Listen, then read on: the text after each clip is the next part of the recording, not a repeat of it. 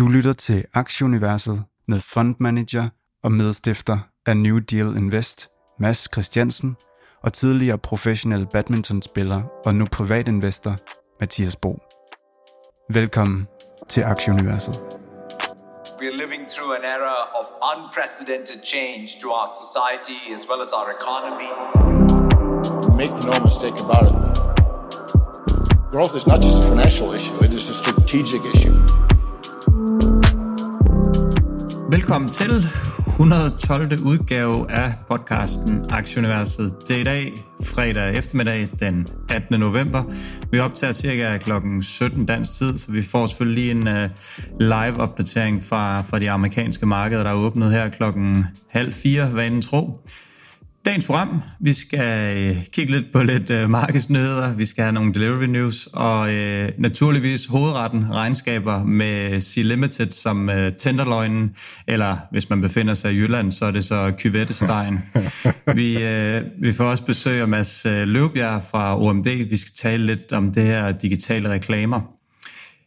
Mads, hej med dig, gammel yes. Hej Mathias. tak for, for introduktionen til forskellen mellem Jylland og, og Sjælland. Jeg tænkte, du sætter pris på den. Hvad hedder det? Noget, øh, noget, man kan få i samme kvalitet, og noget, vi lige skal starte med at slå på trum for, det er ugens samarbejdspartner, nemlig Hello Fresh. Sundt og varieret øh, måltidskasser, leveret direkte til snotten øh, på dig. Og øh, i de her kolde øh, vintermåneder får I så kørt nogle af de her øh, spicy retter ind, Mads, så I kan holde varmen? Jamen det gør vi, det gør vi, og der er jo, altså selvom vi bor i Jylland, så kan man, jeg tror faktisk udvalget er det samme som i, i København. Så, så ja, masser af, af interessant mad fra hele verden, man kan sidde og vælge på sin app, øh, sidde og planlægge, hvad man skal have og spise i ugens løb, hvor, hvor svært og udfordrende, eller hvor let det skal være, sådan nogle ting øh, købe ekstra til, hvis man skal have noget af det, det ekstra kød der. Der er sådan nogle øh, ekstra, øh, ekstra dyre retter, havde jeg nær sagt, men, men, men retter med, med ekstra værdi. Og dyrt er det jo ikke. Altså de, de her meal kit øh, virksomheder har netop formået at kunne øh, skærme forbrugerne lidt mod inflationen. Det er jo simpelthen det her med, at man kan selv bestemme fra uge til uge, hvad man propper på menuen. Så, øh, så hvis, hvis øh, fragtskibet øh, med øh, tenderløgn øh, ligger på tværs nede i Suezkanalen, jamen så, øh, så sætter man bare øh, noget andet på menuen. Øhm, og, så, og så er det på den måde. Og så er det jo helt specielt nu, at, at det er Black Friday uge, og der, der er HelloFresh selvfølgelig også øh, med helt fremme med, at man kan, kan få, øh, få ekstra rabat øh, på det. Hvad er det, koden er, og hvordan er det, man gør? Det kan du dele med at bide dig selv næsen på. I skal i, i dagens uh, Black Friday uh, vanvid, der skal I taste BF aktie, så får I 30% på første og anden kasse og 20% på tredje og fjerde kasse. Uh, og det her, det gælder, tilbud gælder nye kunder. Vi skal i gang, og uh, vi starter med nogle delivery news, så uh, dem får du lov at tage dig af. Ja, DoorDash, altid en nyhed med DoorDash. Nu øh, samarbejder de med WeWork, sådan at, at når man er medarbejder på WeWork, så, så får man simpelthen sin frokost leveret øh, fra DoorDash. Det er jo mega smart. Øhm, men det, alle de her samarbejdspartnere, det bygger det her local marketplace, øh, som, som, de er, som de arbejder rigtig meget på. Øhm, Deliveroo øh, forlader Australien, øh, og øh, ja, det, det giver plads til øh, Uber, øh, der er dernede, og, øh, og, og dem, der ellers er i Australien. Det er, det er en del af den her øh, mindre adgang til kapital, at, at delivery-virksomhederne, hvis ikke de er nummer, hvis ikke de er nummer et, nummer et er den mest profitable, øh, og nummer to er, er, er, er kan man også godt være.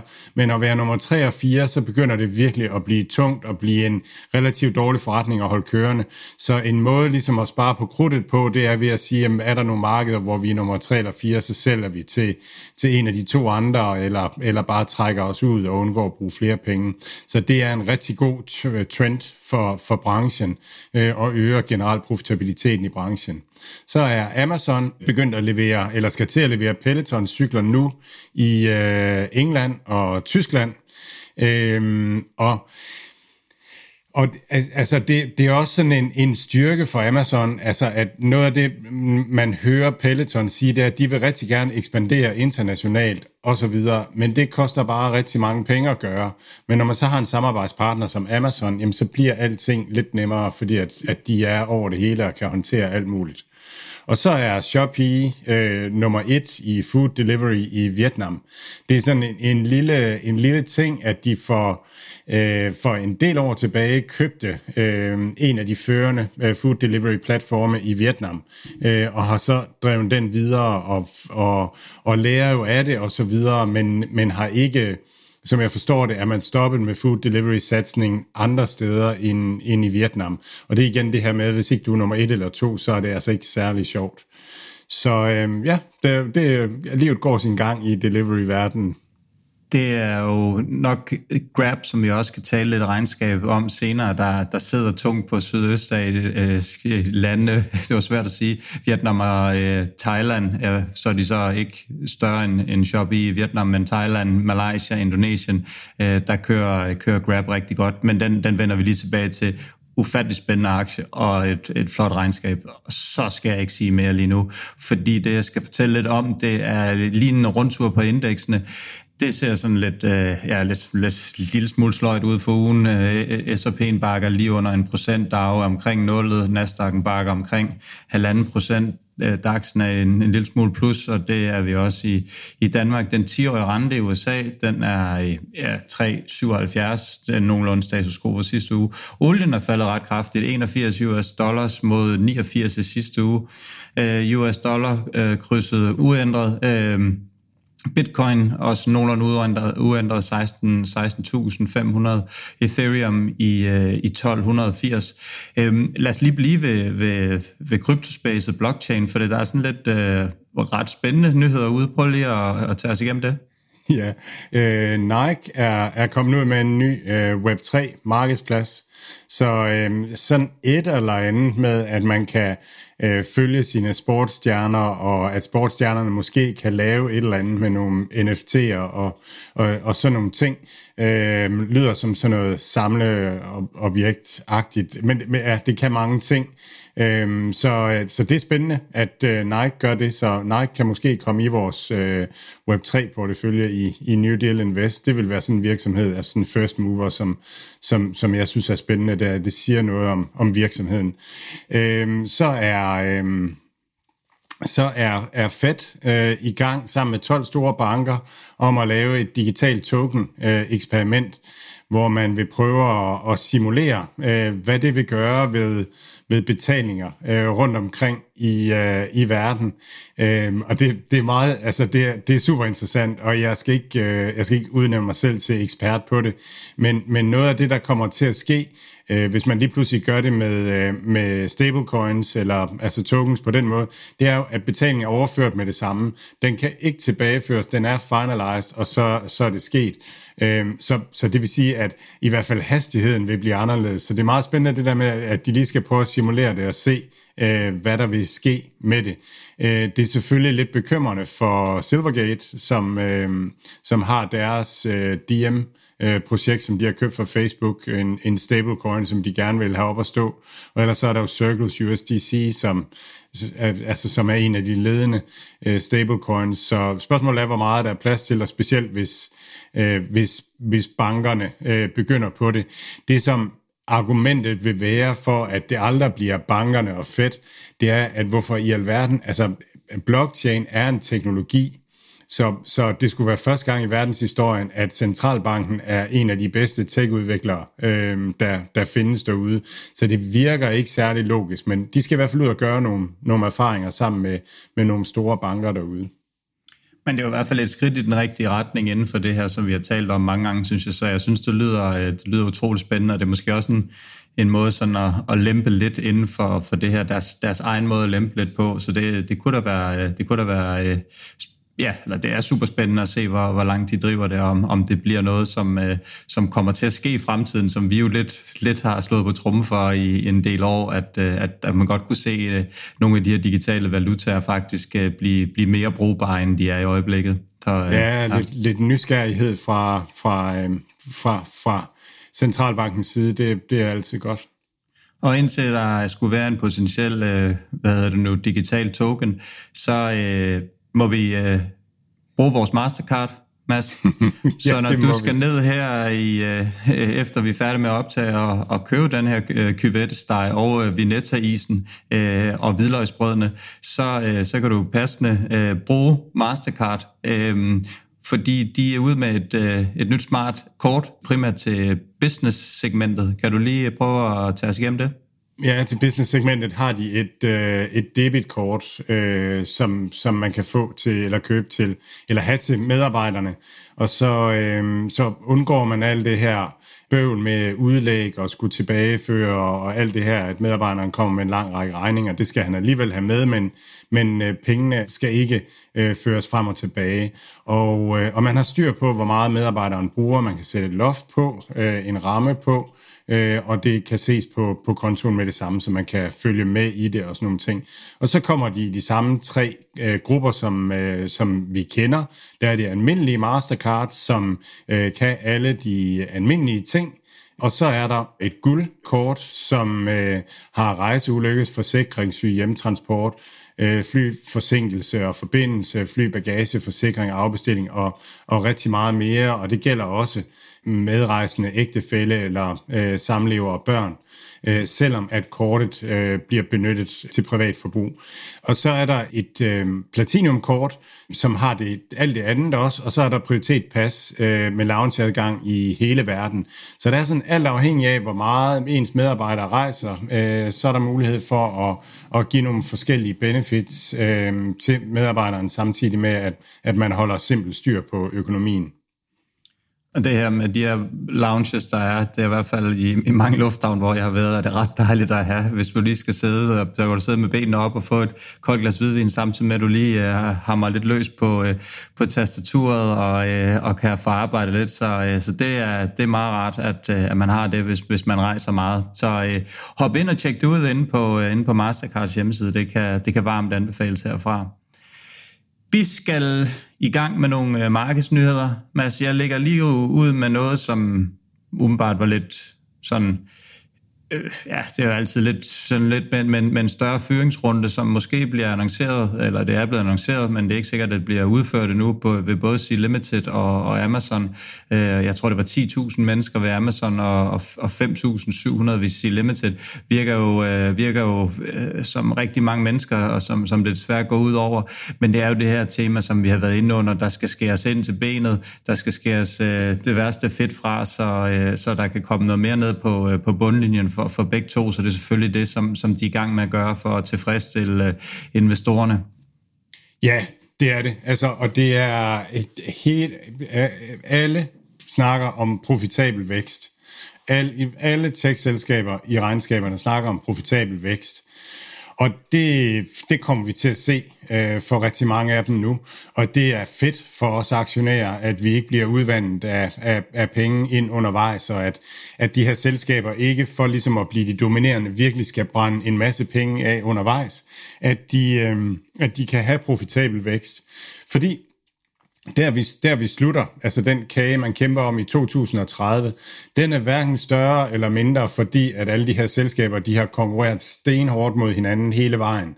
Altså, det er ligesom, at man skal løbe 10 km, øh, og så når man kommer frem, så, så, så, øh, ja, så, så et eller andet. Og så, og så vælger man undervejs at slå løs på hinanden alle 10 km, eller også så løber man stille og roligt ved siden af hinanden. Så det, det, bliver, øh, det bliver en bedre rejse for os alle sammen. Øh, og, og, og, og der, der er meget snak om, at mange af de her tech-selskaber i virkeligheden godt kunne fyre en stor del af deres øh, ansatte. De har været gearet til vækst og vækst for enhver pris. Og nu bliver øh, tonen en anden. Og det, som vi kommer ind på senere, det kan man se i regnskaberne. Øh, regnskaberne begynder at blive rigtig gode. Og det bliver spændende, når det er sådan, at sentimentet i markedet ændrer sig. Ændrer sig at, at, man, at man så også skal til at se de her virksomheder være profitable, og skal til at regne på, okay, hvad, hvad er de så værd, når de ikke brænder penge af mere? Øhm, Amazon øh, også ude med, øh, et, at de lancerer Amazon Clinic, øh, som er sådan en, en sundheds, øh, sundhedsting, øh, service. Jeg vil næsten tro, at planen er, at det skal ind i Amazon Prime øh, bundet øh, og ligge som en, en benefit der. Det bliver sådan et, et uimodståeligt øh, bundle, øh, Amazon Prime. Det lyder som en konkurrent til, øh, øh, til Hims and Hers sådan som jeg lige ser det med receptudnyelse, øh, fornyelse og behandling af de her almindelige ting, hudsygdomme, kønssygdomme, helt almindelige ting, som, øh, ja, men, men nej, de her ting, som unge mennesker, der ikke gider at vente på at skulle til lægen, øh, de, de har. Øh, så, men, men jeg synes, Himsan Hers er, er godt afsted og, og har, har den størrelse, og det, Ja, ja der, så jeg er ikke så bekymret. Det er set mange gange før, at, at Amazon også begiver sig ind i et eller andet, og nu skal vi se, om, om det overhovedet øh, bliver til noget, øh, der kan konkurrere øh, med Hims and Hers og med øh, Teladoc også. Vi skal lige over til øh, de local. Øhm, der var vist noget med en, en short report, der var ude. Øh, hvad, hvad, hvad siger den til det? Ja, men altså først og fremmest så en short report, øh, det er jo en, det, det, den her øh, virksomhed, der har lavet den her short report, det er en hedgefond, der hedder Muddy Waters. Øhm, og de, øhm, de har også lavet en short report på Tesla tidligere, og blev kørt over af, af Elon der. Øh, så har de lavet øh, en short report på YY, øh, hvor, hvor jeg hvor jeg, jeg var ikke selv investeret i aktien på det tidspunkt, men, øh, men fulgte det. Øhm, men det er altså det er altså en hedgefond, som, som formentlig bygger en position først øh, short, øh, så laver først noget research, prøver at se, om de kan finde et eller andet, som er forkert i virksomhederne. Og en gang imellem, altså så øh, afslører de jo et eller andet, hvor virksomheden er helt i stykker. Altså som vi så med tyske Wirecard. Øh, det er jo super sjældent. Der er langt imellem, at man, man hører de her, hvor det sådan er gået helt galt. Og så, øh, og så, øh, og så finder de tit et, nogle, nogle ting, som er tvivlsomme, og som måske ikke er er helt okay, men godt kunne være okay, men man kan fremstille dem på en eller anden måde. Og noget af det, som man har gjort her, er, er, er så vidt jeg kan se, at man også har brugt nogle, nogle, nogle klæder og nogle, altså nogle ting, som egentlig ikke helt er udgivet fra virksomheden, men hvor så tallene er lidt anderledes og sådan nogle ting. Øhm, så har man draget tvivl om, om, øh, om blandt andet D-Locals take rate, øh, altså de, hvor stor en procentdel af, af deres ydelser, de kan tage tage penge for, og sådan nogle ting. Men man finder en masse ting, som, som kan være tvivlsomt, og det, det man gerne vil, det er at kunne skrive en rapport, som gør, at, at øh, virksomheden ser rigtig skidt ud. Øh, og, så, og så frigiver man den. Øh, og, så, og det, der er sket med D-Local, det er, at den tabte 50% øh, på en dag øh, på den her øh, short rapport. Så er det store spørgsmål, hvad, hvad, hvordan forholder man sig så som privat investor, når det er sådan, at, øh, at det her det sker? Øhm, og jeg tror, at, jeg har sådan gået tænkt på, hvordan, hvordan man bedst forklarer det. Men, men en virksomhed som D-Local, som er fra Uruguay og opererer i Latinamerika, Afrika og Asien, øh, og Saudi-Arabien også. Øh, der tror jeg ikke, man skal tro som dansk investor, at man ved mere end markedet, øh, næsten uanset hvor meget man læser. Øh, der, der ved man mindre. Så, så hvis man har den aktie, så tror jeg, man må acceptere det. Og nu kommer der så en situation, hvor at, at der er en stor fond, som har sat sig rigtig meget ind i at lave en 80-siders rapport, som primært er for at skræmme os. Og, og hvad skal vi så gøre ved det? Øhm, fordi nu, nu fiser kursen op og ned, og vi har ikke rigtig info om, hvad der er op og ned på det.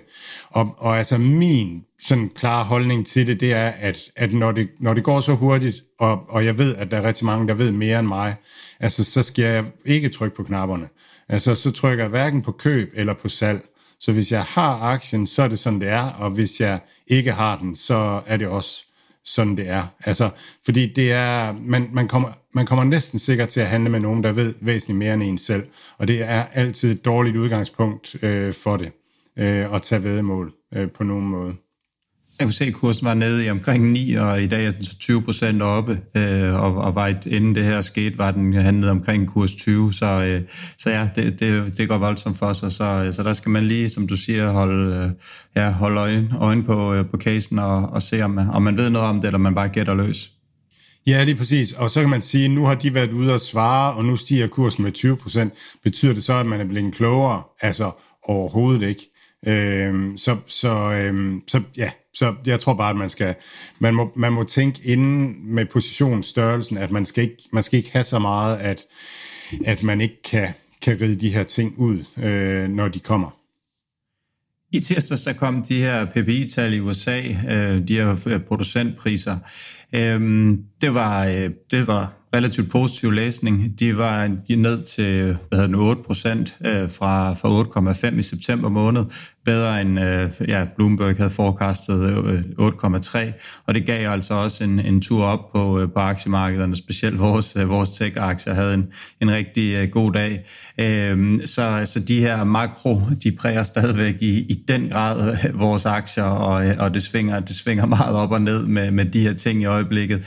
Så øh, ja, det er i hvert fald de her rapporter, som kommer, selvom at de måske ikke er sådan en sygt spændende læsning, så er det i hvert fald øh, super relevant lige at holde øje med det, og, og lige datoerne, hvor tingene kommer, fordi som, som jeg talte om også, jamen altså, øh, lige at, at konge en, en jobreport, eller lige, øh, lige inden de her PPI-tal, eller, eller CPI-tal, og, og købe aktier, det kan godt være, det kan godt være lidt som at, at gå på casino, så, så det er man simpelthen lige nødt til, inden man, øh, man handler i øjeblikket, lige at, at, at lige holde sig for øje, om det er, om der lige står noget, som, som kommer i morgen, så kan det godt være, at man lige skal vente en dag, bare lige for at se, hvor, hvor vi lander henne, så, øh, så prøv lige at huske at tage det med derude, hvis I sidder og skal handle noget. Øh, ikke at man skal handle 100% efter det, men, men bare lige være opmærksom på, at, at det er altså virkelig noget, som sætter, sætter gang i kurserne det her, så, øh, så vær forsigtig, når I er i gang derude.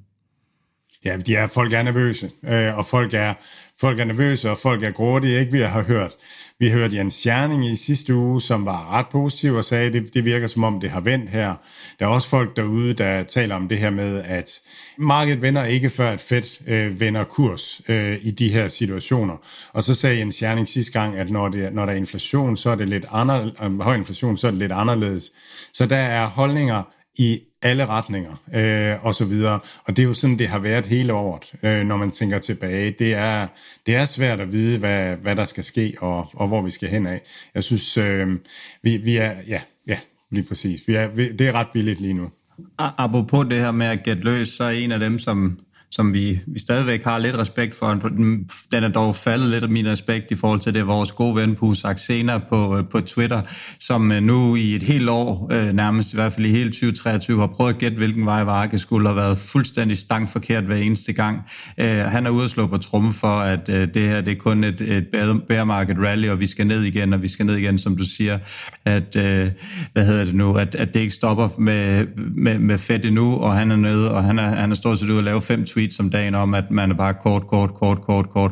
Øh, og det, det, det er selvfølgelig, altså, det, selv, selv en mand, som, som selvfølgelig har så meget viden, altså, det, det irriterer mig rigtig meget, at han ikke koncentrerer sig om at kigge på virksomheder øh, og, og komme ud over det her gætteri med, om vi skal den ene eller den anden vej.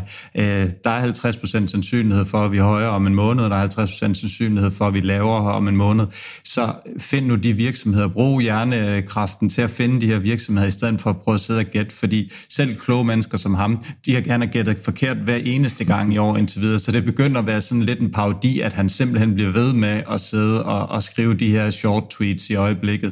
Øh, så så det, det tilter mig en lille smule, at han ikke bruger øh, energien på at, og, øh, og nævne spændende virksomheder, som man så selv kan, kan dykke videre ned i, i stedet for at tro, at han ved, hvor markedet skal hen, fordi det ved han ikke skid om.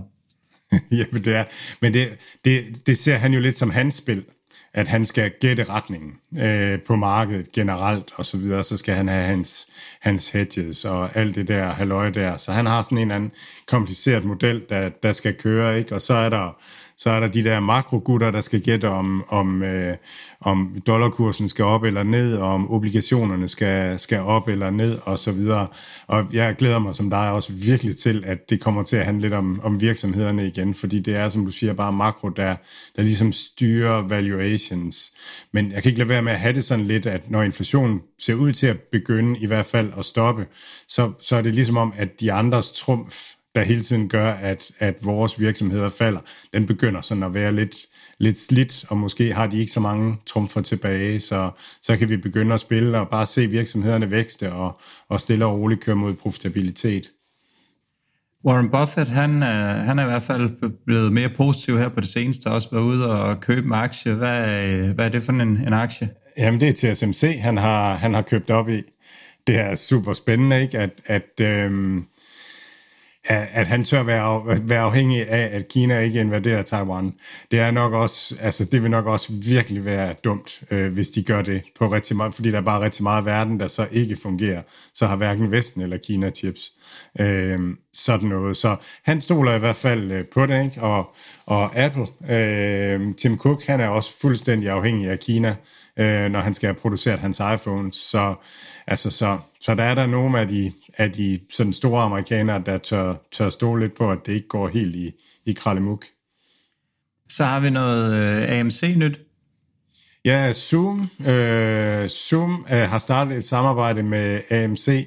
Øh, hvis man er en stor virksomhed, og man gerne vil holde sådan nogle fælles live events, hvor man bare er måske i 10 eller 20 forskellige byer, eller sådan et eller andet, jamen så kan man lege, så kan man organisere det sammen med AMC, så er man i, så leger man nogle, nogle biografsale rundt omkring, og så kobler Zoom det hele op, og så videre. Det er sådan lidt, lidt metavers-agtigt, sådan lidt hybrid-agtigt. Øh, men, øhm, ja, men, men også et udtryk for, at Zoom, Zoom hele tiden udbygger øh, den her øh, den her oplevelse øh, og den her brugbarhed af deres øh, platform. Jeg har lavet et... Øh, ja, nu kommer jeg lige med en reklame for mig selv. Jeg har lavet et webinar, øh, som jeg holder her i næste uge om, om, om fremtidens internet. Øh, og der, har, der skulle jeg lave sådan en planche. Og det bedste sted at lave den, det var, det var over i Zoom. De har sådan noget, der hedder whiteboard, som er super nemt og intuitivt at arbejde i, og man kan virkelig mærke den der artificial intelligence bagved, der hele tiden prøver at hjælpe en med at finde ud af, hvor vil du gerne have den pil trukket hen, og skal det her være samme størrelse som noget andet, og, og foreslår alle de her ting her. Så det, det var et rigtig godt redskab at arbejde i. Der var G20 øh, her i øh, på Bali den her uge, og øh, ja, der øh, hvad hedder det nu, mødtes øh, præsident Xi og, og Joe Biden, og øh, ja, de, de så ud til at have en bedre dialog end ventet. Præsident Xi, han mødte også øh, Prime Minister Modi, og, og det var første gang, de gav hinanden hånd siden 2020. Der er de her problemer mellem grænsen mellem, mellem øh, Kina og Indien. Øh, så, så det var sådan umiddelbart... Øh, virkede lidt positivt. Noget andet, der var, der var positivt også, det var, at de her øh, ejendomsproblemer i, øh, i, hvad det nu, i ejendomssektoren i Kina med den her, de her gældsplade virksomheder. Øhm, jamen, der var kommet nogle, øh, et, et forslag til at kunne forløse det gennem, øh, gennem de kinesiske myndigheder, som, øh, som prøver at, at tage sig af det, og det er selvfølgelig noget, som, som aktiemarkedet i Kina tog sig rigtig godt imod. Jeg tror, øh, øh K, øh, K-Web er op, øh, hvad hedder det nu, 6% i den her uge, og nogle af de ejendomsselskaber øh, var op en, en, en 15-20%, da de her nyheder gik ind.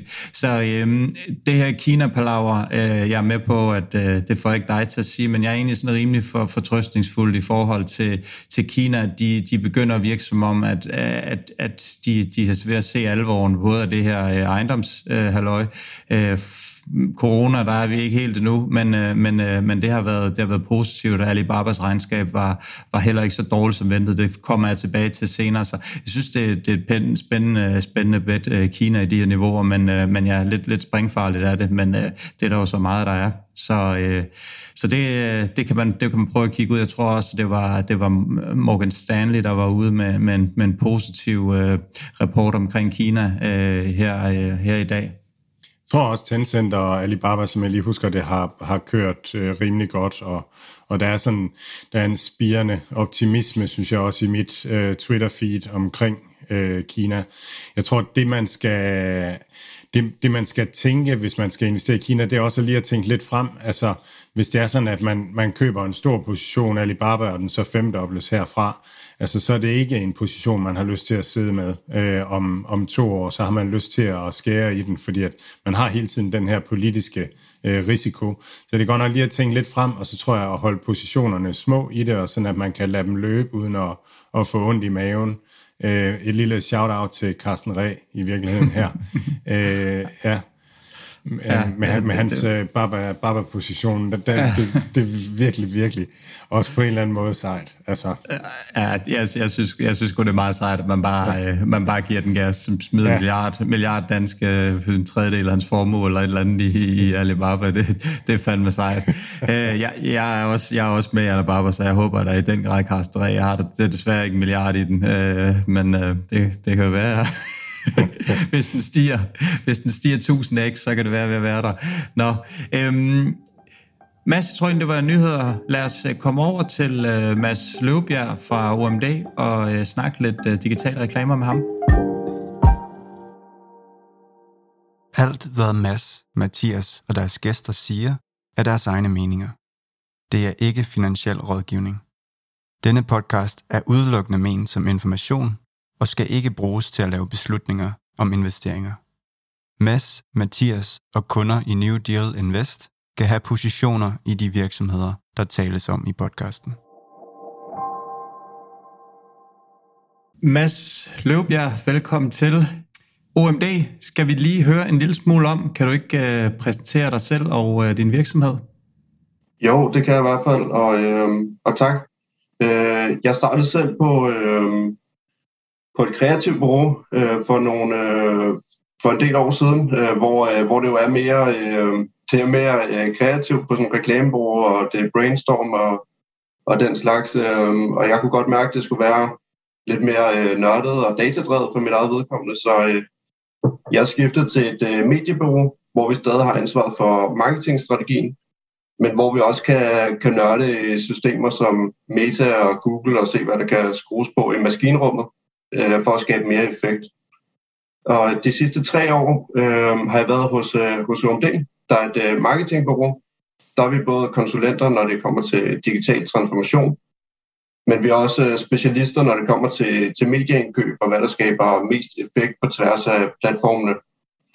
Og vi er jo øh, vi er et globalt øh, bureau, så vi er repræsenteret øh, og forankret rigtig godt i Danmark, men vi er også på, øh, på lidt over 100 markeder og omkring 12.000 ansatte globalt. Hvem er jeres sådan, typiske kunde? Det er øh, mellemstore og, og store virksomheder. Øh, vi har blandt andet øh, Folkevogn og PepsiCo. Så har vi også øh, Coop, øh, som fylder rigtig meget, men som egentlig også er, det er jo øh, så en dansk lokalkunde. Øh, så har vi Orgla og Toms og Nykredit og Garmin. Øh, så det er sådan nogle øh, af den slags virksomheder, vi, øh, vi samarbejder med. Hvordan arbejder I sammen med Pepsi, for eksempel? Jamen, øh, PepsiCo, det, det er en global kunde, hvor vi så øh, har et, øh, har et client-team på dem øh, i de forskellige markeder, og der bliver, vi, øh, der bliver vi briefet og har snakket med dem om, hvordan vi kommer bedst ud på, på det marked her, øh, her i Danmark, og øh, hvilke, hvilke medier, der giver mening. Og det er jo også forskelligt øh, fra land til land, øh, hvad der er øh, lokale medier eksempelvis. Vi agerer jo både... øh, vi snakker jo rigtig meget øh, online her, men øh, vi øh, agerer jo også øh, offline, hvor der også skal være øh, en, øh, en masse øh, relevante kanaler at bruge. Er, er, I så, er, er det så sådan, at I rådgiver Pepsi, og så, så lægger de selv tingene ud, eller tager I jer af, af hele opgaven for, for Pepsi i Danmark, for eksempel? Øh, PepsiCo er, øh, er faktisk delt op, så den del, vi har, det er øh, det, der hedder non-beverage, øh, og så, øh, så er det styret af et øh, internationalt hold, hvor vi så leverer rådgivning ind til, hvad der giver mening i forhold til markedet i Danmark.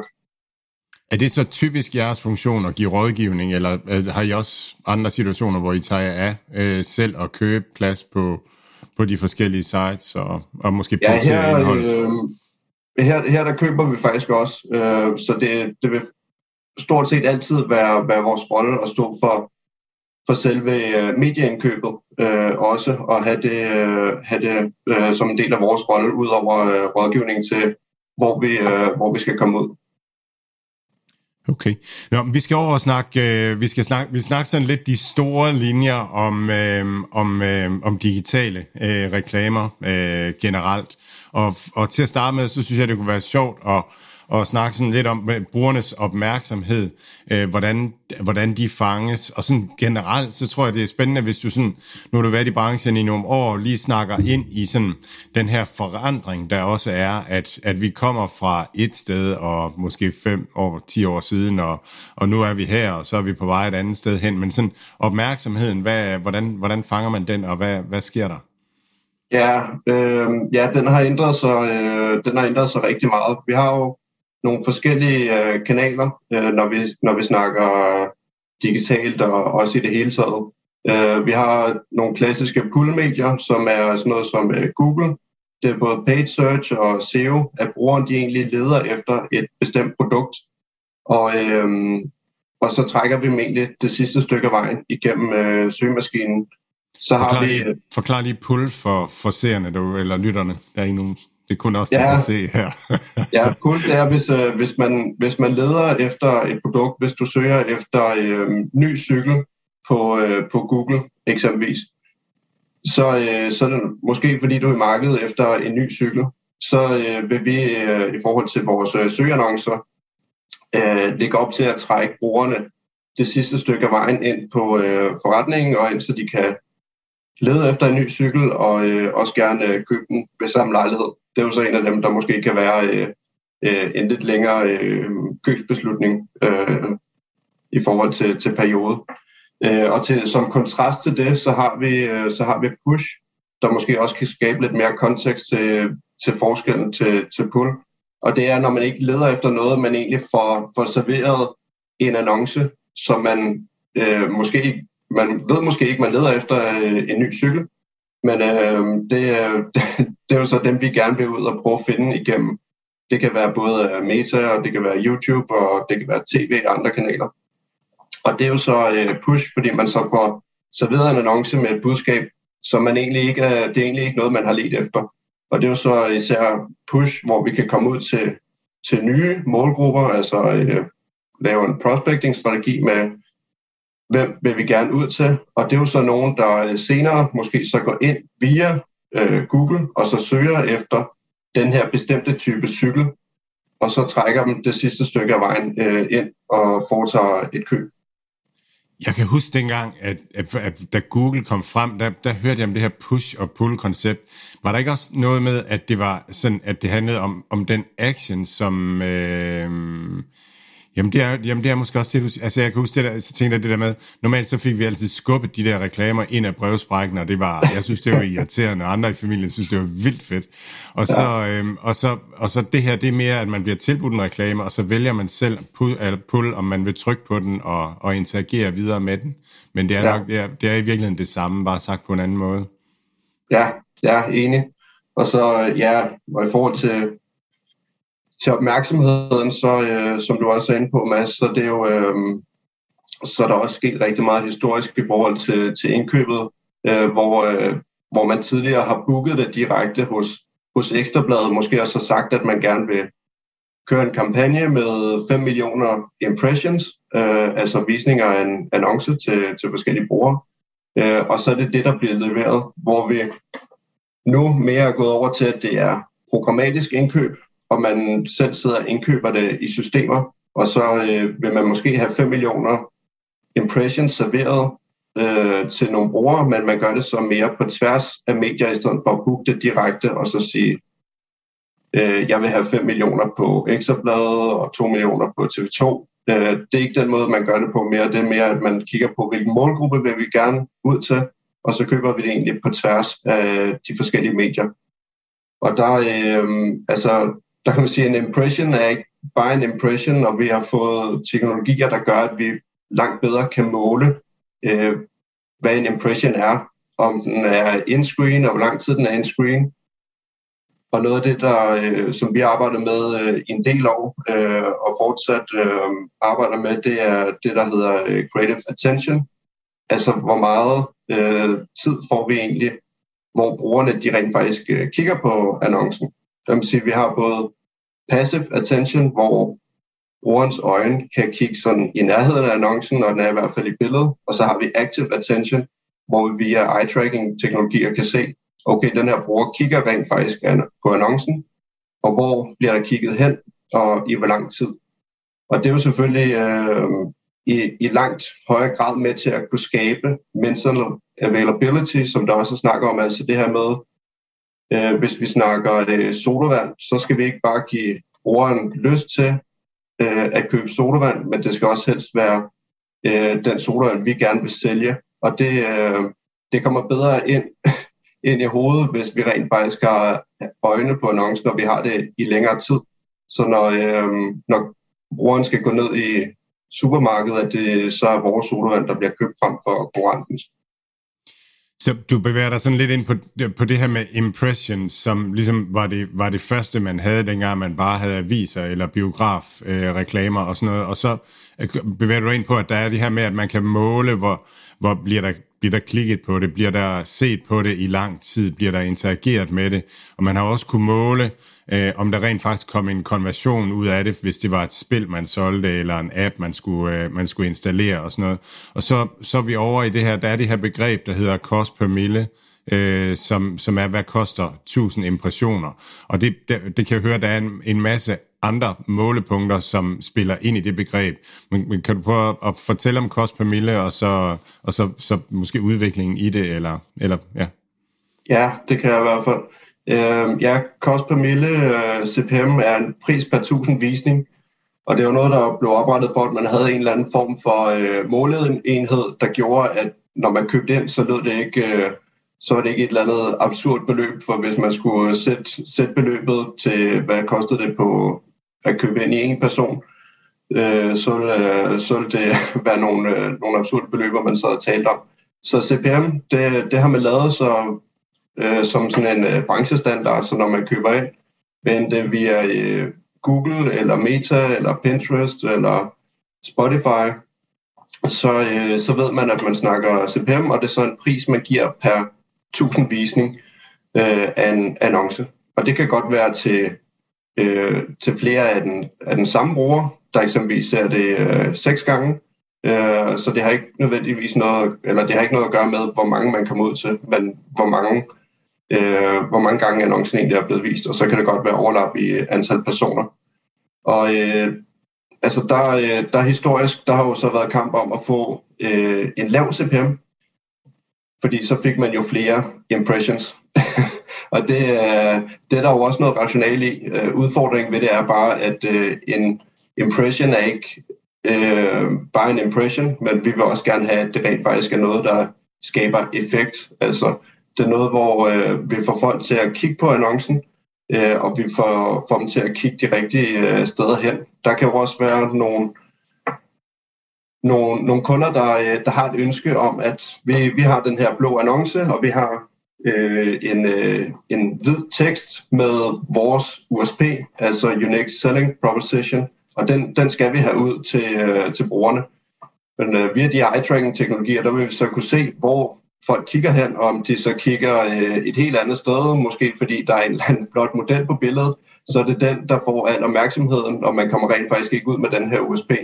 Øh, så er det noget, man skal, skal arbejde på at få lavet om, og måske øh, rykke rundt på nogle ting og gøre det her budskab øh, mere centralt og fjerne nogle andre elementer. Og så vil, vil man så ved næste evaluering forhåbentlig kunne se, at det, det har rykket noget, og det, det der bliver kigget på, så ved de, hvad kunden øh, står for, frem for at de har kigget på øh, noget, der lige så interessant ud i annoncen. Så, så kost per mille, det, det afhænger sådan af, hvad, det, det er nærmest sådan, altså det er nærmest auktion, ikke? Det er, hvor meget, øh, hvad, hvad, hvad er alternativerne? Hvis der er rigtig mange brugte biler at købe, så falder brugtbilprisen. Og, og sådan også, hvis der er mange steder, man kan sætte en annonce op, så, så er priserne under pres. Men tilsvarende, hvis, hvis man kan dokumentere, at kvaliteten er god, af de reklamer, man laver, at, at de fører til salg, eller at de fører til lang seertid og sådan noget, så, så stiger prisen. Ja, præcis. Så øh, det, det rigtige, det er jo øh, det klassiske udbud og efterspørgsel. Vi køber ind via auktioner, hvor det er øh, CPM-baseret øh, i langt de fleste tilfælde, og der øh, jo mere efterspørgsel øh, der er, øh, desto større vil, øh, eller desto mere vil CPM koste. Og det er så øh, uagt, det vil så ramme ned i, i de forskellige optimeringer, uanset hvad. Øhm, og der vil vi nok her omkring øh, om en uge til Black Friday se, at der kommer til at være nogle utrolig høje CPM-niveauer, fordi vi har alle, øh, især e-commerce virksomheder og detaljbutikker og andet, som, øh, som går ind og lægger et kæmpe tryk øh, allerede fra mandag i næste uge og så ugen ud. Øh, og det er så sådan noget, man skal være opmærksom på, at der kommer, øh, kommer en voldsom stigning, og der, er det jo, øh, der skal man nok gøre op med sig selv, om det så er relevant at være til stede øh, overhovedet, eller om man skal øh, trække stikket og så bruge pengene mere fornuftigt øh, i en anden periode, hvor man så kan få CPM til en, til en lavere pris.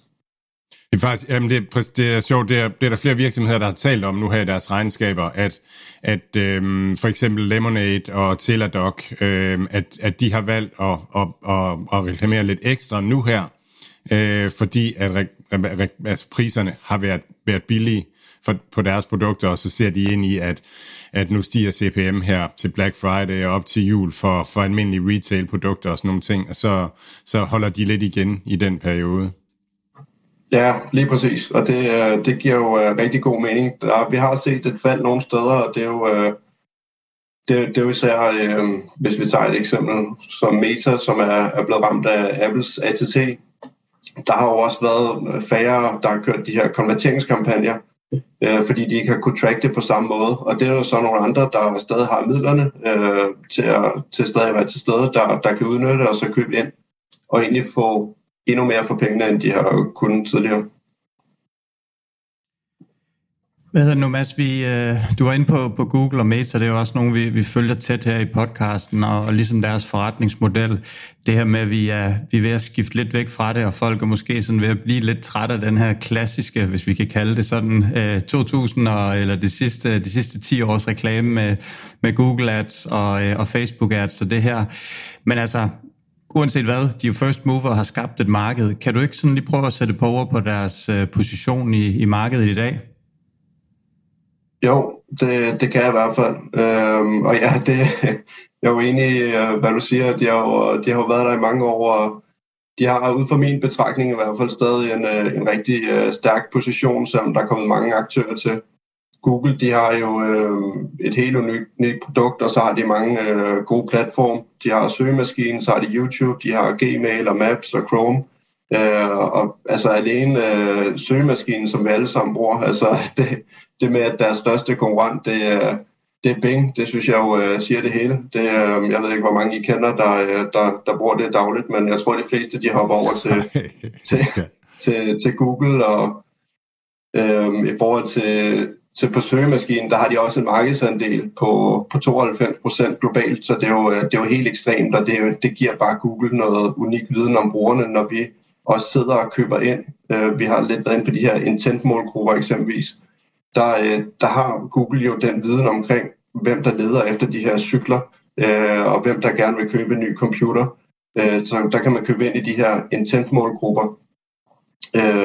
Så der, der står de rigtige Rigtig stærkt, og vi ser også, at Google de har, de har været mere beskyttet, fordi de, de har så, øh, altså hvis vi kigger på sådan noget som Apples ATT, fordi de ejer rigtig meget af økosystemet og har viden om brugerne, øh, både gennem Chrome og så også søgninger på Google, øh, hvorimod en virksomhed som Meta, som vi også lige har været inde på, øh, de står stadig øh, rigtig stærkt, og øh, de har jo knap 4 milliarder brugere på tværs af deres platform, men de har også vist sig mere sårbare, øh, fordi de nemlig ikke ejer øh, så mange dele af økosystemer, som eksempelvis Google gør. Så når der kommer sådan et tiltag som Apple ATT, så, øh, så kan de jo godt øh, lave en masse PR og, og brokser, men øh, i sidste ende, så, øh, så er det jo blevet trumfet igennem, og tracking er blevet øh, dårligere, end den har været øh, tidligere, øh, lige så snart vi kigger på Apple devices, og det, øh, det er jo, øh, må man sige, en udfordring, når vi markedsfører øh, os som et land som i Danmark, hvor langt de fleste jo har iPhone.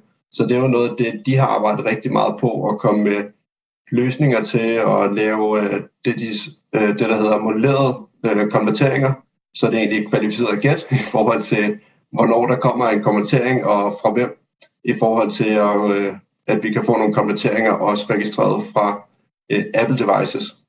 Mads, det, det, er jo, det, det, er jo, det, det er jo det, I rådgiver jeres klienter om. Skal de, øh, skal de bruge Facebook, skal de bruge Google, eller skal de bruge en alternativ platform, eller skal de, skal de sætte dem i, øh, i øh, Aarhus onsdag, eller, eller, eller hvad, hvad, hvad, hvor skal de søge hen? Hvordan har jeres rådgivning ændret sig her, efter Facebook er kommet frem, og, og oplever I det her med, at, at vil kunderne købe ind på den her, den, den, den her modellerede øh, måling, øh, som, som de kommer med?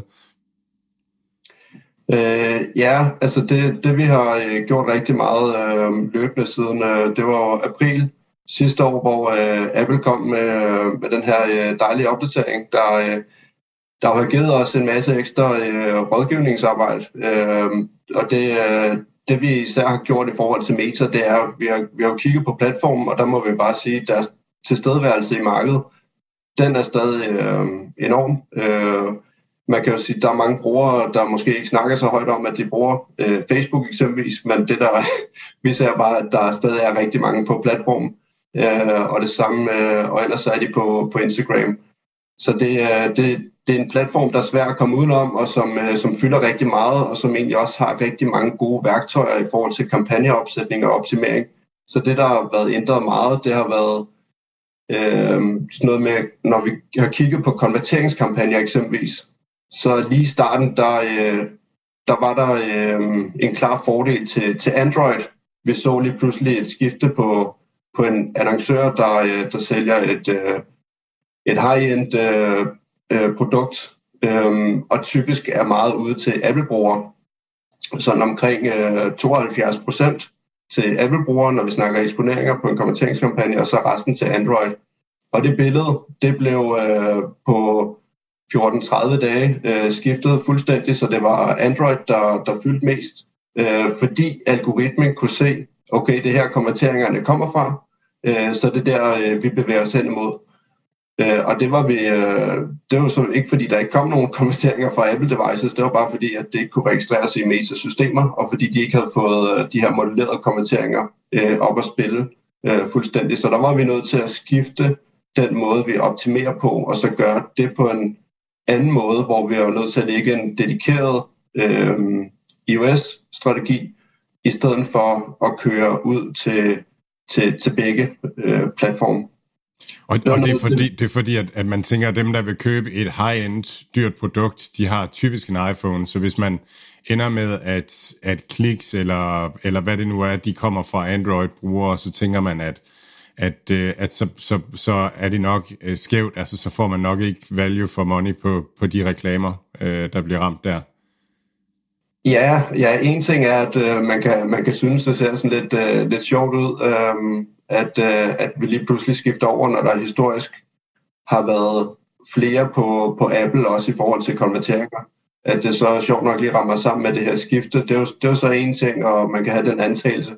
Vi har så også nogle, øh, nogle salgsmodelleringer, nogle digitale attribueringer, der kan gå ind og så kigge på, hvad bliver der rent faktisk øh, skabt af salg på de enkelte platforme.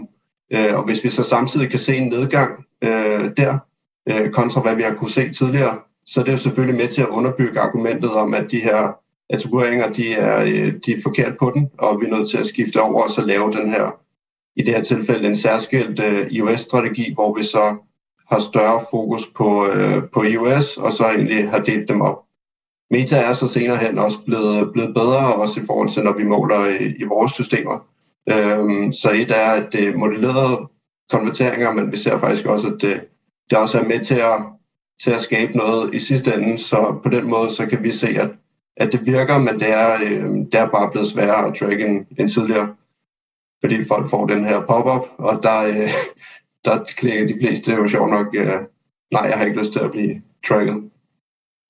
Mads, øh, det, sådan det her med, øh, det, at, at der er de her automatiske auktioner, altså, og, og der er altså, øh, af, er reklamer, Facebook kører det, øhm, og, og Google kører det, og, og det, er, det er en sjov mekanisme det her også med, at når efterspørgselen lige pludselig falder, det så vi under coronaepidemien, der faldt efterspørgselen fra retail, og så kommer spilvirksomhederne ind og begynder at, at kunne se, at nu, er, nu kan de have et positivt return on investment på deres reklamer, så der er altid nogen, der kan komme ind, hvis, hvis priserne falder. Men, men den her, den her, digi, altså den her automatiserede øh, funktion, kunne jeg godt tænke mig, at, at du fortalte lidt om. Og så kommer der også nye aktører ind, øh, som, som også laver noget tilsvarende. Øh, The Trade Disk for eksempel, og, og, og der er sikkert mange andre. Men, vil du prøve at fortælle lidt om det Space App Lovin er der vel også, og øh, Iron Source? Ja, det, øh, det vil jeg i hvert fald, altså, øh, når vi snakker om sådan automatisering af, øh, af, af medieindkøbet digitalt, der, øh, nu har vi været inde på, på Google og, og Meta, og de har også været, hvis vi snakker øh, om den type produkter, hvor det sådan er helt automatiseret og performance-drevet, så øh, lancerede øh, Google sidste år et produkt, der hedder Performance Max, hvor øh, i bund og grund, der vil den egentlig øh, gerne have al styring til, til systemet, Øh, algoritmen, machine learning og algoritmer, de er bedst til at maksimere performance ud fra få inputs. Øhm, de vil gerne have at vide, hvad er konverteringsmålet? Altså, vi skal have solgt nogle produkter, øh, og så øh, vil de gerne have at vide, hvor mange penge skal vi bruge, og hvilke øh, kreativer og tekster så, det er, så er der også en masse andre input, såsom, et, øh, såsom shopping feed og server-side tracking og nogle andre ting. Men, øh, men i bund og grund, når, når alle de her input er på plads, så er det systemerne gerne vil have at vide. Når vi, når vi snakker den her øh, fuldautomatiserede proces, så er det kommenteringsmål, budget og kreative og tekster. Og så skal Google nok sørge for øh, at bestemme, øh, hvor, hvor de her annoncer de så kommer ud, om det så er på på Search, eller om det er YouTube, eller Display-netværket, eller øh, Gmail, eller Discover. Øh, og det samme har, har Meta også gjort med, med et af deres produkter. Øh, de har så valgt at kalde det Advantage Plus Shopping Campaign. Og der, øh, der, der, der tror jeg ikke, vi behøver nogen fokusgruppe eller noget andet for, for at vælge, hvem der har valgt det fedeste navn der. Jeg er selv på Performance Max, men øhm, Ja, navnet er en ting, og det var en anden, øh, det var en anden snak, men øh, Meta de har også lanceret det her produkt, hvor man egentlig også giver de her øh, få input i forhold til, hvad er konverteringsmålet, hvad er budgettet, og hvilke kreativer og tekster skal vi bruge. Og så øh, sørger systemet for egentlig at vide, eller finde ud af, hvem i målgruppen skal blive ramt af hvilket kreativ. Øh, og målgruppen, den er så også bare, øh, der får vi sat øh, Danmark, og det er, det er jo så det, vi kan vælge. Man kan vælge et land, så det vil sige, selvom vi ved, at øh, en kernemålgruppe måske på et produkt er 30-60 år, så er det ikke noget, vi, øh, vi må gå ind og, øh, og styre og give vores besøg med. Den skal bare have at vide, øh, okay, det her det er prospecting, så kan man så lægge nogle retargeting-målgrupper ind, øh, eksempelvis folk, der har besøgt websitet, og så sige, dem her vil vi også gerne have fokus på. Øh, men ellers i forhold til prospecting, om det skal vises på Facebook, Messenger, øh, Instagram eller via Metas Audience Network, det, øh, det, skal, øh, det skal systemet nok styre. Og øh, jeg synes jo, det er, det, er den rette, øh, det er den rette udvikling i forhold til automatiseringen. Vi, jo, øh, vi sidder jo heller ikke op øh, om natten og øh, sidder og, og skruer på det hele. Vi sidder øh, og monitorerer og laver optimeringsarbejde og vi skal også hjælpe de her algoritmer øh, på vej. Men øh, i bund og grund, så noget, ja, noget af det, man skal være meget opmærksom på, det er jo selvfølgelig de her kreative tekster, når de bliver serveret på et hav af forskellige øh, placeringer, så er det noget, hvor Google og Meta godt eksempelvis kan gå ind og beskære kreativet, og så tage en tekst og lægge op og lave den grøn øh, ind over billedet, og det er jo men nogle af de brands, vi arbejder med eksempelvis, de har jo også en brand-identitet og et udtryk visuelt, som de gerne vil ud med. Så der, øh, der er det jo vigtigt, at øh, det er noget, man er meget opmærksom på, hvordan udtrykket så kommer øh, i sidste ende ud til, ud til brugerne. Jeff Green fra uh, The Trade Desk, når man, når man hører ham, når han skal fortælle, hvordan det går i hans virksomhed, og har en team til det, så bruger han altid 5-10 minutter på at fortælle om, hvor slemme Google er. Øh, ja, ja, om, om den her wall garden, de har, og, og ja. om at, at, øh, at han stiller store spørgsmålstegn ved, om, om Googles automatiske auktion øh, er, er, hvad skal man sige, optimerer for øh, kunden, eller optimerer for, for Google.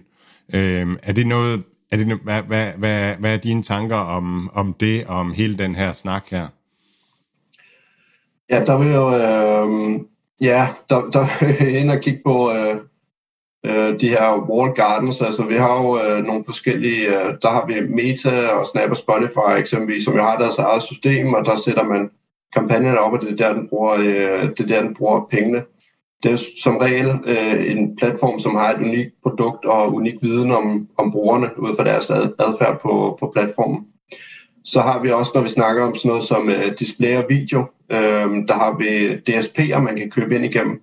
Øh, og der har, øh, der har vi jo The Trade Desk øh, blandt andet, og så har vi også øh, Googles øh, DV360, hvor man egentlig kan købe ind på tværs af flere forskellige markedspladser. Og DSP, DSP, hvad er det? DSP det er en uh, demand-side platform. Uh, hvis vi starter med, med økosystemet, så hvis vi tager den fra, fra A først, så har vi en annoncør, Så har vi en ad-server, hvor annoncen bliver lagt op, og hvor man tracker øh, konverteringer og, og effekten af, af annoncerne. Så har vi en DSP, som er en demand side platform, og det er en indkøbsplatform, der bruges til at programmere sit indkøb, og det er også navnet uh, programmatic buying. Det er her, man sætter sine, uh, øh, sine målgrupper op. I, hvis vi snakker Google, så kan det være de her intent-målgrupper. Man beriger egentlig sine kampagner med data i forhold til, hvem man gerne vil ud til her, hvorhenne, øhm, og på hvilke sites kan det også være. Så i den anden ende af DSP'erne, øh, der har vi en SSP, som er en supply-side platform. Det er så den teknologi, som medier udgiver, de bruger til at, øh, til at vise deres varelager over for brugerne, øh, og vi bliver øh, koblet sammen på den måde. Og så i sidste ende, så kommer annoncen så ud på eksempelvis TV2, eller det kan også være øh, Bold. De, øh, de har nok en øh, god øh, halvanden måned foran sig med, med, det, øh, med VM, der kommer nu. der, øh, der kommer nok også til at være, være tryk på, og, øh, og en masse annoncører, der gerne vil på der.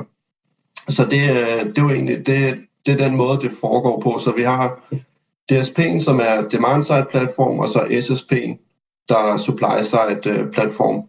Øhm, ja, så DSP det samler efterspørgselen, og SSP'en samler udbuddet. Og det, øhm, det The Trade Desk måske især øh, er ude efter, det er sådan noget som Googles DV360, som jo er en af deres øh, store konkurrenter også, når vi snakker DSP'er, så er det, at der er nogle forskellige øhm, øh, markedspladser og exchanges, man kan sætte op. Og hvis vi tager og medtager Googles egen i den, så, øh, så ser vi øh, ofte, at det er den, der, øh, hvor der bliver lagt øh, flest penge. Det, øh, og det, det, det vil jeg ikke være uenig med ham i, at det er, det er noget, vi ser. Og det er jo så noget, man kan gå ind og, og skrue og dreje på, om det så er den bedste, øh, eller om der egentlig er, er andre, der er bedre.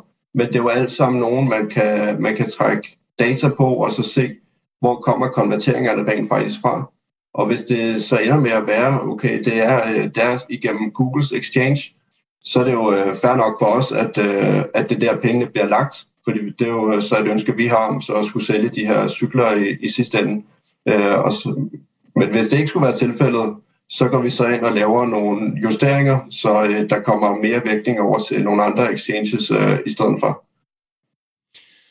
Så det var, ja, så det, det ja, øh, så, så det var, altså vi har snakket meget om målingen af, af, af hvad skal man sige, af kvaliteten og af, af CPM og det her med at få, få tingene ud på den rigtige øh, platform og sådan nogle ting.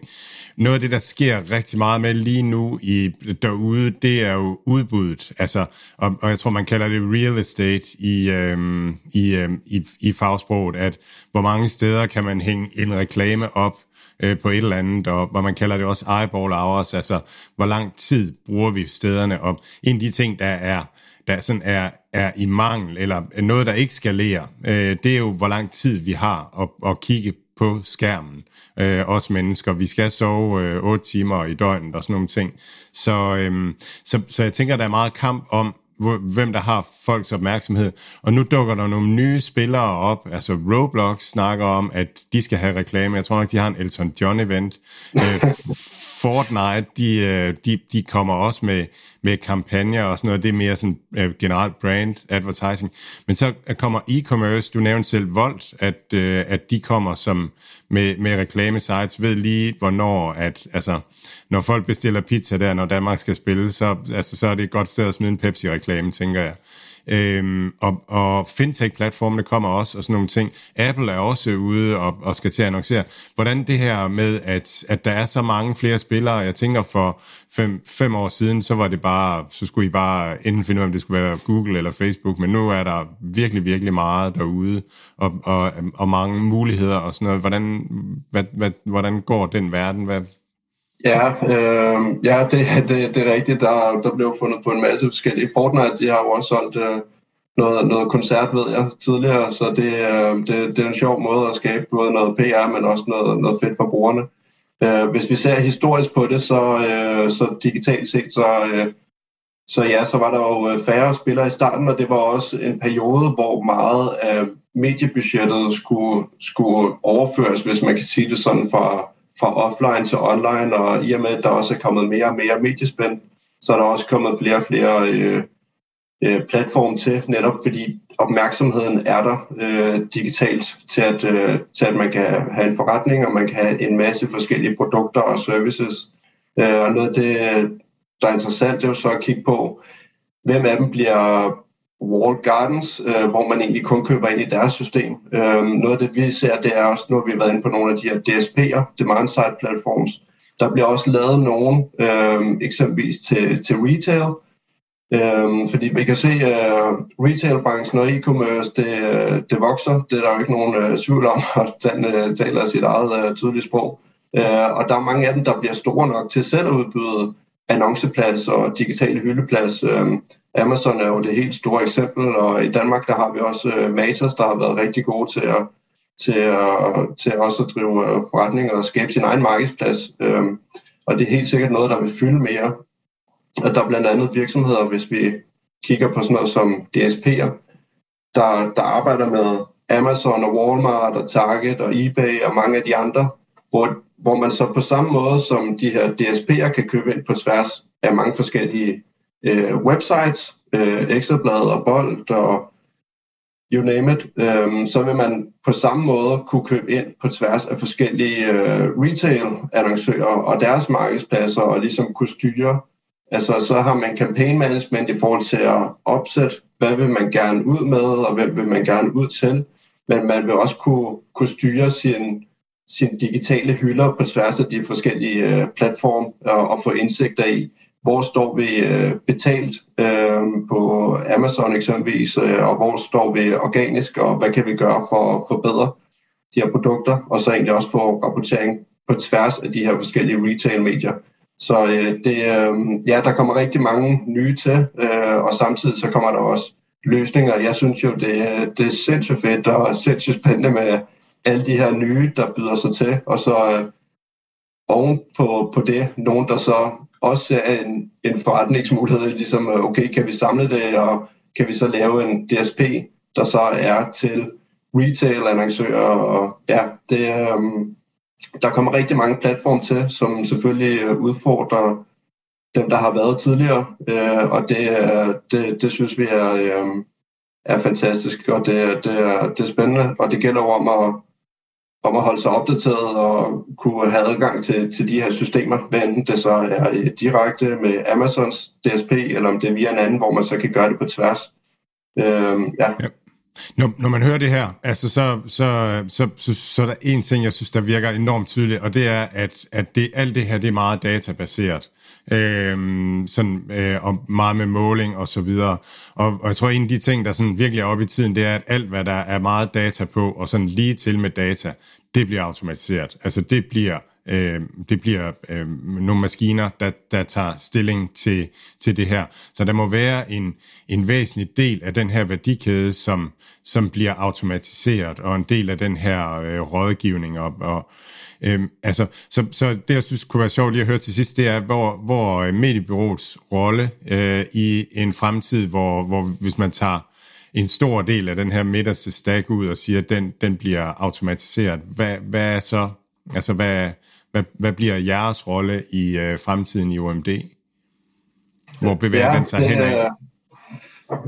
Ja, altså der er, jo, øh, der er jo de nuværende platforme, men så vores rolle bliver jo også i høj grad identificering af nye platforme og rådgivning om, hvad giver bedst mening for den, for den enkelte annoncør, øh, og så øh, stadig være med til altså hele den digitale transformation, hvordan skal de komme over på de her platforme, og hvordan skal strukturering og aktivering af førstepartsdata eksempelvis foregå, og hvilken strategi skal der ligge for medieindkøbet og målgrupper. Øhm, og så er der rigtig meget, nu nævner du også det her med øh, automatisering, hvor der så stadig er en masse input til systemerne, for at de kan fungere bedst muligt. Og det er jo blandt andet øh, det her produktfeed og produktkataloger, der, der skal spille, og det skal være integreret korrekt i platformene. Så er vi sådan noget som advanced matching, hvor vi skal kunne matche brugerne op. Øh, der er server-side tracking, formatvalg, kreative og tekster, sørge for, at, øh, for at det hele det, det egentlig spiller, og at, øh, at systemet ikke bare sender noget ud, som er, er fuldstændig skørt og imod det, som, øh, som, øh, som brandet i virkeligheden øh, gerne vil have. Ja, måske også designe tingene, sådan at, at det rent faktisk skaber noget data, der er, der er brugbart. Øh. Ja, det er, jo, det er jo noget af det, hvor vi så kan måle på tværs og så se, hvad, hvad, hvad giver mening, og hvad er det egentlig, der skaber attention, øh, og hvad er det, der ikke gør. Øh, så der, øh, der vil systemet måske i nogle tilfælde kunne finde nogle, nogle billige visninger, øh, men er de, er de gode?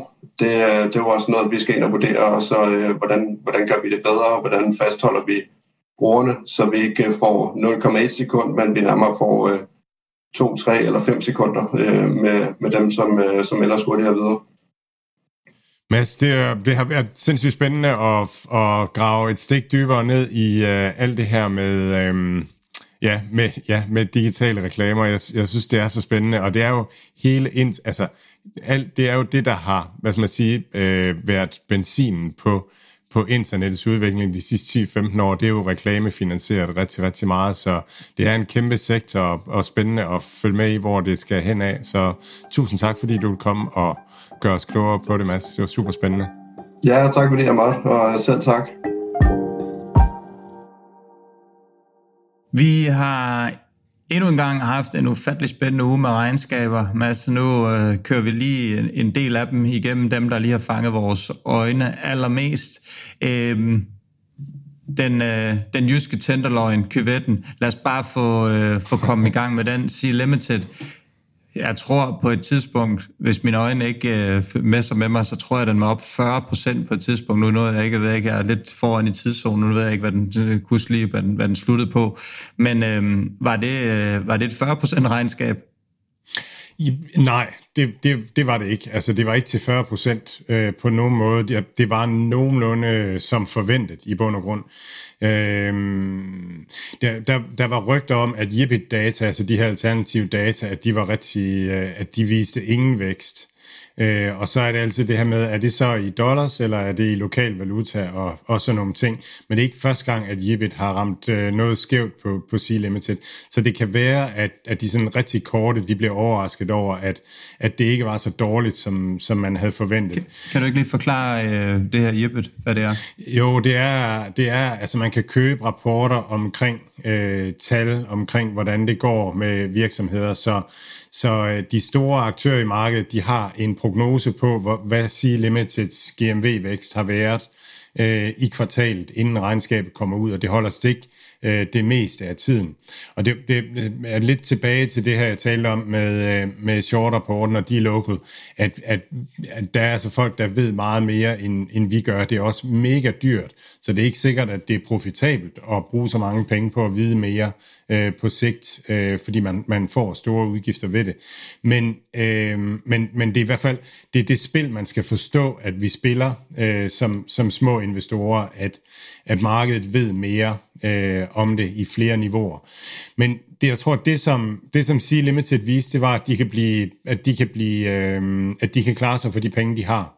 De har jo 7,3 milliarder, tror jeg, i cash, og så skylder de et eller andet sted i omegnen af 4 milliarder øh, på sådan nogle konvertibler, som, som udløber på et tidspunkt, og så skal dem, der har dem, enten vælge, om de vil have aktier, eller om de vil have pengene tilbage. Og nu hvor aktiekursen er lav, så kan det godt være, at de siger, så vil de helst have pengene tilbage.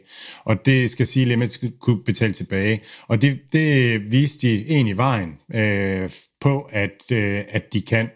Øh, de er de er, øhm, de, altså de tjener penge i, øh, i Sydøstasien, øh, inden at man regner udgifter til hovedkvarter med, og der sker de virkelig til øh, og barberer til, og så har man jo øh, haft en del udgifter på at lukke ned rundt omkring i, i nogle af de markeder, hvor man har, har lukket nogle ting ned og, og sådan nogle ting, så så, øh, og, og selv på trods af det, så, så kommer man egentlig relativt hurtigt fremad imod, øh, imod at break even øh, på Shopee.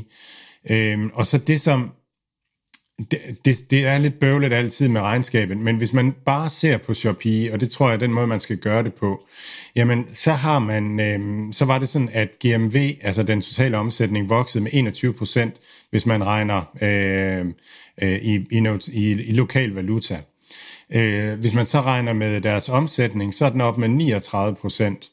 Øhm, og hvis man så regner deres øh, marketplace revenue, som er det, jeg mener, man skal kigge på, altså de fees, de får på platformen, så er de op med 39 procent.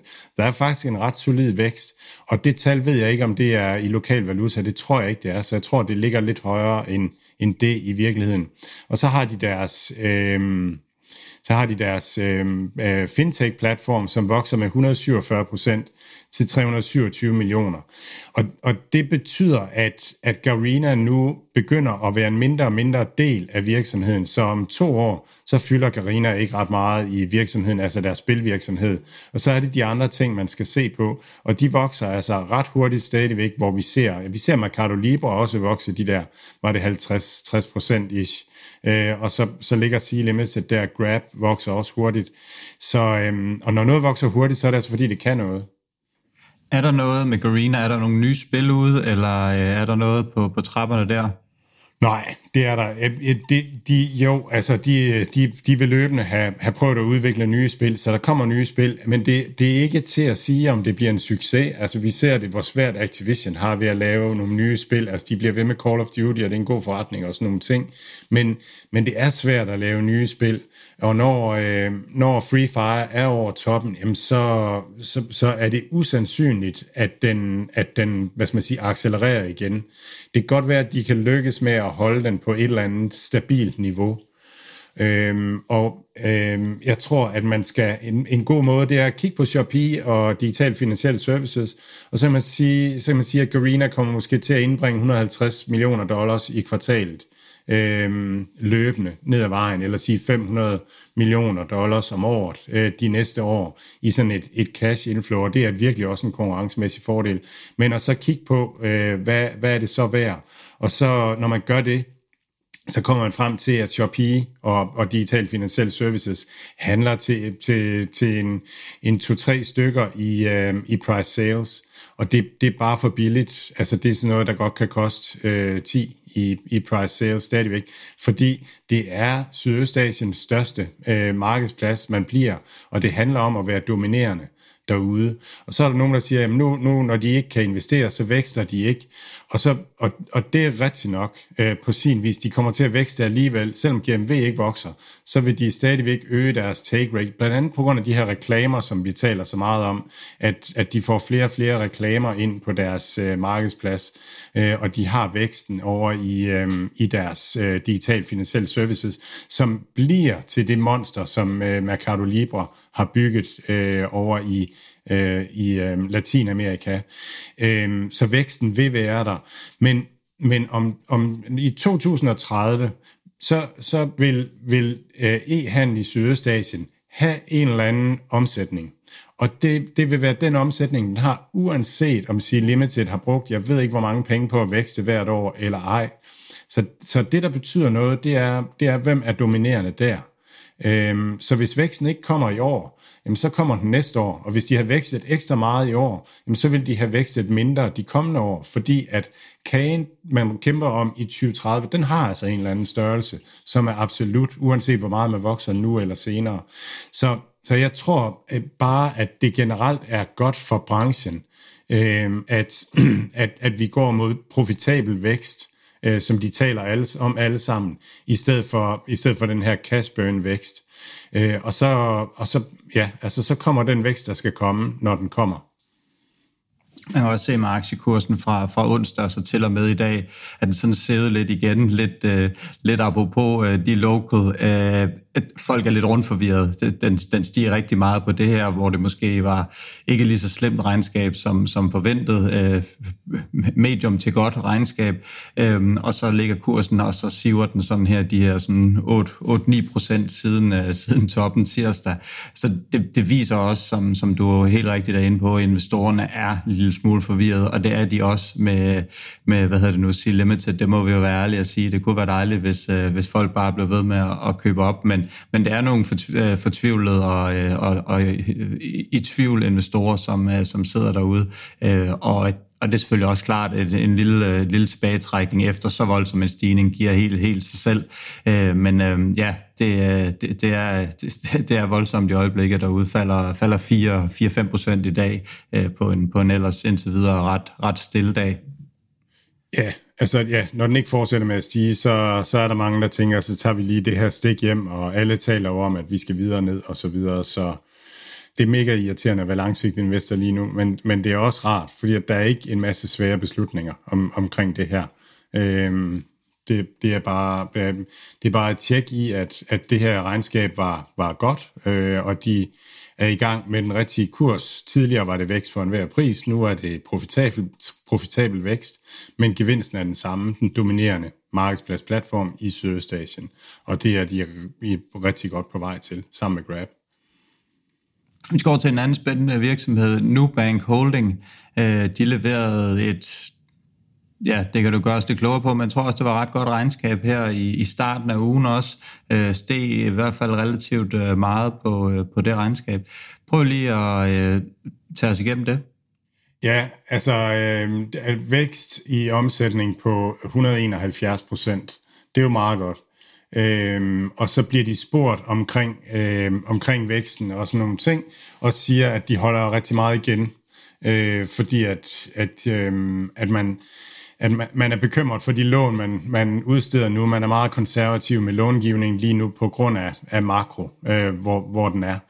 Øh, men det er bare en god virksomhed. Altså, de, er, de er, har, har rigtig meget succes i Brasilien, er den femte største bank i Brasilien nu, øh, sjette største i Latinamerika og så er de, øh, så er de i gang nu med, med Colombia og Mexico, og har rigtig meget succes er den største kreditkortudgiver i, i de to øh, lande.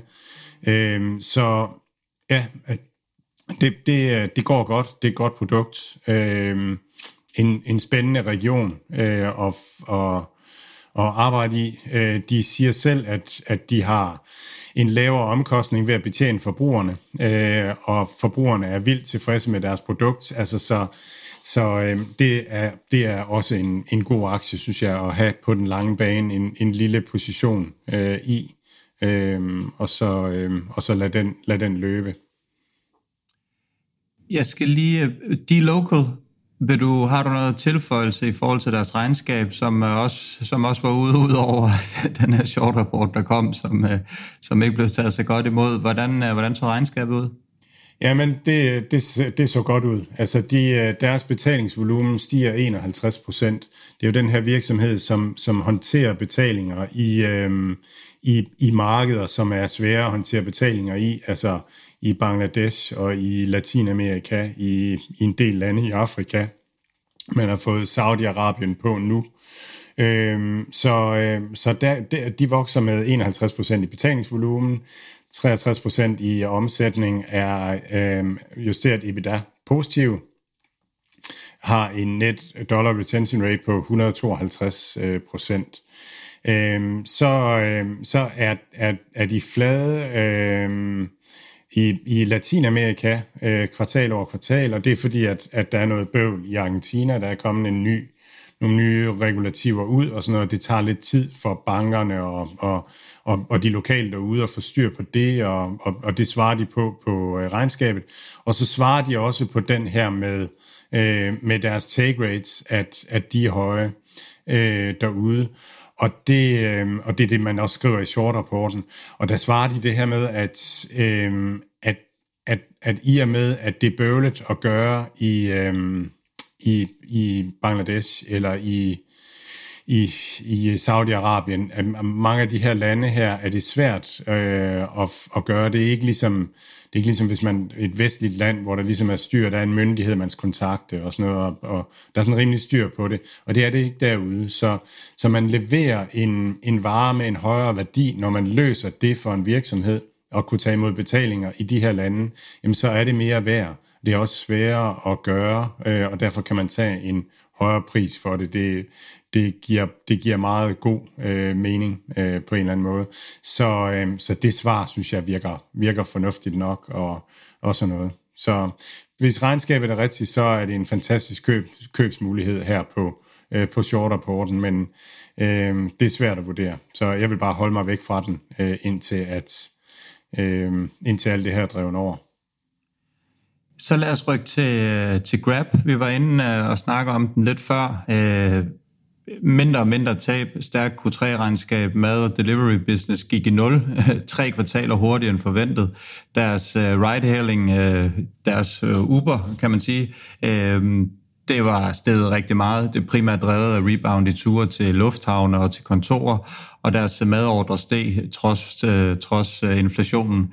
Øhm, jeg kunne ikke lige sådan, øh, uden, nu er jeg heller ikke ekspert, men sådan lige umiddelbart finde særlig mange negative ord omkring øh, det her. Altså øh, det, som man, som man måske kan være lidt svært, når man er i Danmark og, og ikke er så meget i Sydøstasien, øh, som blandt andet jeg er, det, det er at forstå, hvor stort det her delivery er. Altså, jeg har ikke været i et supermarked i Indien. Det er under øh, tre gange, jeg har været i et supermarked i Indien i, i de sidste 12 måneder, fordi du kan bestille alt. Øhm, der er kommet et nyt selskab i, i Indien, som hedder Blinkit, de har de her dark, øh, dark stores med, med frugt og grøntsager, og det, og det er seriøst under 10 minutter, så står de og banker på døren. Øhm, og, og alle de her bud og, øh, og sådan noget, dem er der simpelthen så mange af, fordi at øh, lønomkostningerne er mindre til at gøre det, så, så det, det, er virkelig, det er virkelig vildt, at man får leveret alt stort set, og øh, hvor mange mennesker simpelthen ikke går i supermarkedet mere overhovedet. Så det er sådan lidt, lidt lille smule måde, og det koster heller ikke noget i øvrigt at få leveret tingene. Altså det tænker du slet ikke over. Det er måske 5 kroner i, i Indien eller et eller andet, det koster at få det leveret. Og så er det klart, så står så går man altså ikke ned og skal ud og trafik og, og ved at blive ramt af en tuk-tuk og alt muligt, og bruge en halv time på at kæmpe sig to kilometer hen til et supermarked, øh, når der er en anden, øh, der kan gøre det for en. Så, så det er jo bare lige sådan for at perspektivere det lidt, at det, det er det simpelthen. Øhm, Øhm, jeg har lige nogle gange, hvor jeg har været i Thailand, det er der, hvor jeg mest har brugt Grab, og så i, så i Malaysia. Jeg synes stadigvæk, det er for langsomt. Øh, og nu, nu er vi over i, i nogle helt, der var det, hvor vi spiller Thomas Cup, der, øh, der ligger en Starbucks 10 minutters gang derfra. Og når jeg bestilte en kaffe derfra, så gik der altid mellem 20 og 30 minutter, inden den kaffe kom. Og det vil faktisk sige, at det tog mig lige så lang tid at gå hen personligt og hente den. Og det var ikke det store problem, for det, det, det var godt for mig at få lidt frisk luft. Øhm, men, men det her for at give et mere salg, der, der, der tager det for lang tid. Og det, der var sådan lidt sjovt ved det, øhm, det var faktisk, at, at de her bud, de holdt til lige lige ude foran den her Starbucks, hvor der var også en masse restauranter til takeaway-mad, der var. Så de var egentlig på lokationen. Ikke? Det tager hvad, to minutter at lave en kaffe, og det tager på en scooter at køre fra Starbucksen. Hvis det tager 10 minutter at gå, så tager det 3 minutter at køre hen. Så du burde egentlig godt kunne få den her kaffe på, på, på 10 minutter øh, i den her given. Og det tager simpelthen for lang tid. Så der er et eller andet i deres system, som, som øh, måske godt kan optimeres lidt mere, i hvert fald for at, at få det her mere salg, hvor man sådan siger, åh oh, gud, jeg skal ud af døren om 10 minutter, men ej, jeg kan sagtens lige nå at få kaften med, i stedet for, at man, man stadigvæk har den her buffer på, på en halv time, tre kvarter, som, øh, som man bliver nødt til at køre, før man, før man bestiller nogle af de her varer hjem til. Øh, men øh, ja, jeg går ud fra, at, at det er selvfølgelig noget, de godt er klar over og, øh, og kan arbejde på.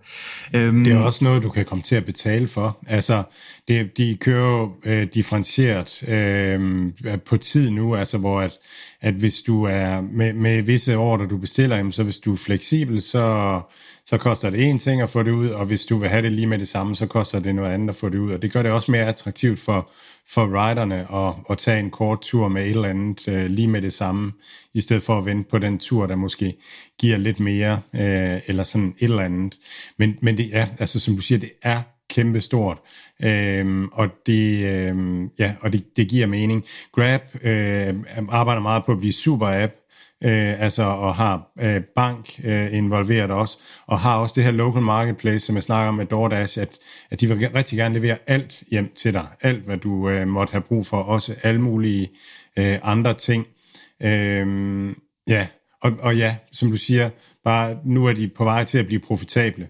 Og, og det er sådan, det er lidt spændende, øh, når markedet ændrer sentiment på et eller andet tidspunkt, at når man så begynder at regne på, at, at den her kæmpe store øh, omsætningsbase, de har, at når de skal til at være, være profitable, og vi skal regne en eller anden en eller anden bundlinje margin på den der store omsætning der, altså så, så tror jeg også, der kommer til at ske ramachan med, med den kurs, øh, på, på den virksomhed.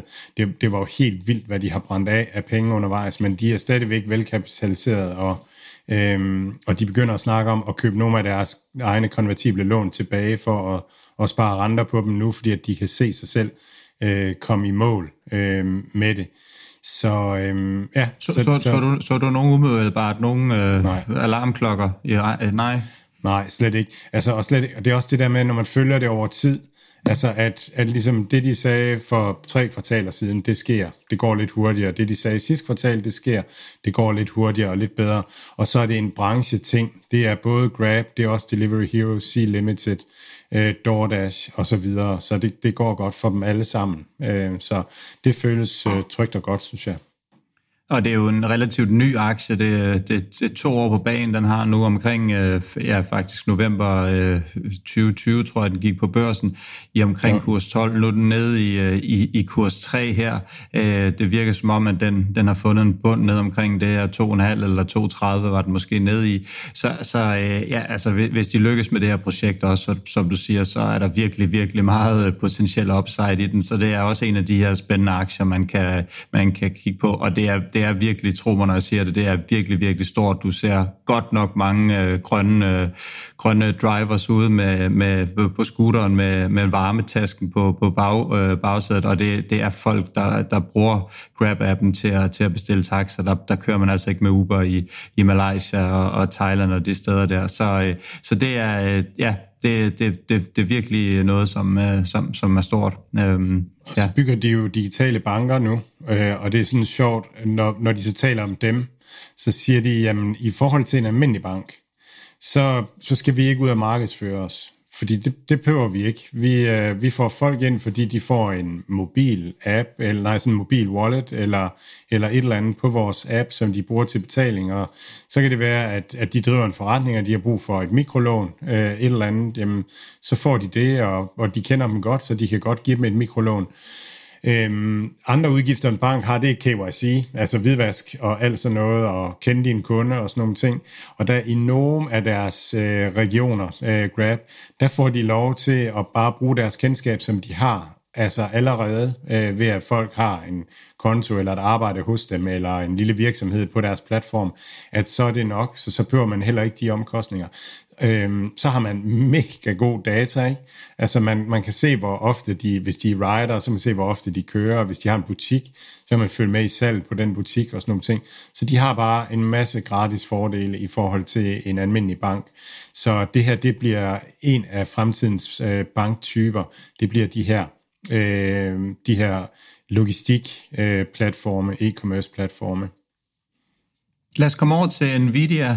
Øhm, de gør det fint på toppen, misser fejl på bunden, guider lidt let for, for Q4. Vi har stadigvæk en, en PE på ja, 35-40 stykker, så det er bestemt ikke en, en billig aktie PT, og der var også en analytiker derude og sige, uh, pas nu på, eller som du også har sagt nogle gange med, med de her, hvad hedder det, chip-aktier og semikonduktorer, det er, det er ikke sikkert, at, at vi, er, vi er helt nede endnu, men, men som jeg også har snakket om, så er det jo en langsigtet vinder, om det så lige er TCMC, som, som Buffett tror mere på, eller det er Nvidia, eller, eller eller det ene af de andre. Det, det kan vi ikke sige, men vi ved bare, at branchen er en langsigtet problem, øh, en vinder. Og det er selvfølgelig også et problem for dem, de her, som du også nævnte før, de her makroproblemer. De står altså ikke selv og kan styre det. De har ikke en CEO, der, der kan sidde og sige, ah, at vi gør sådan her. Du kan ligge verdens bedste strategi, du kan have verdens klogeste mennesker siddende ved Nvidia, men hvis øh, Kina lige pludselig i morgen bestemmer sig at lave en, en, øh, en jernring rundt om, om Taiwan, eller de laver embargo eller noget, eller at, at øh, den amerikanske regering siger, at I ikke må sælge til Kina eller sådan noget, så er Nvidia fuldstændig fucked, ligesom mange af de andre er. Så, så det er bare ikke igen de her makro, øh, øh, kortsigt forhåbentlig makroproblemer, som, som virkelig tegner dagsordenen. Øhm, så ja, det er, det, det er stedet at være.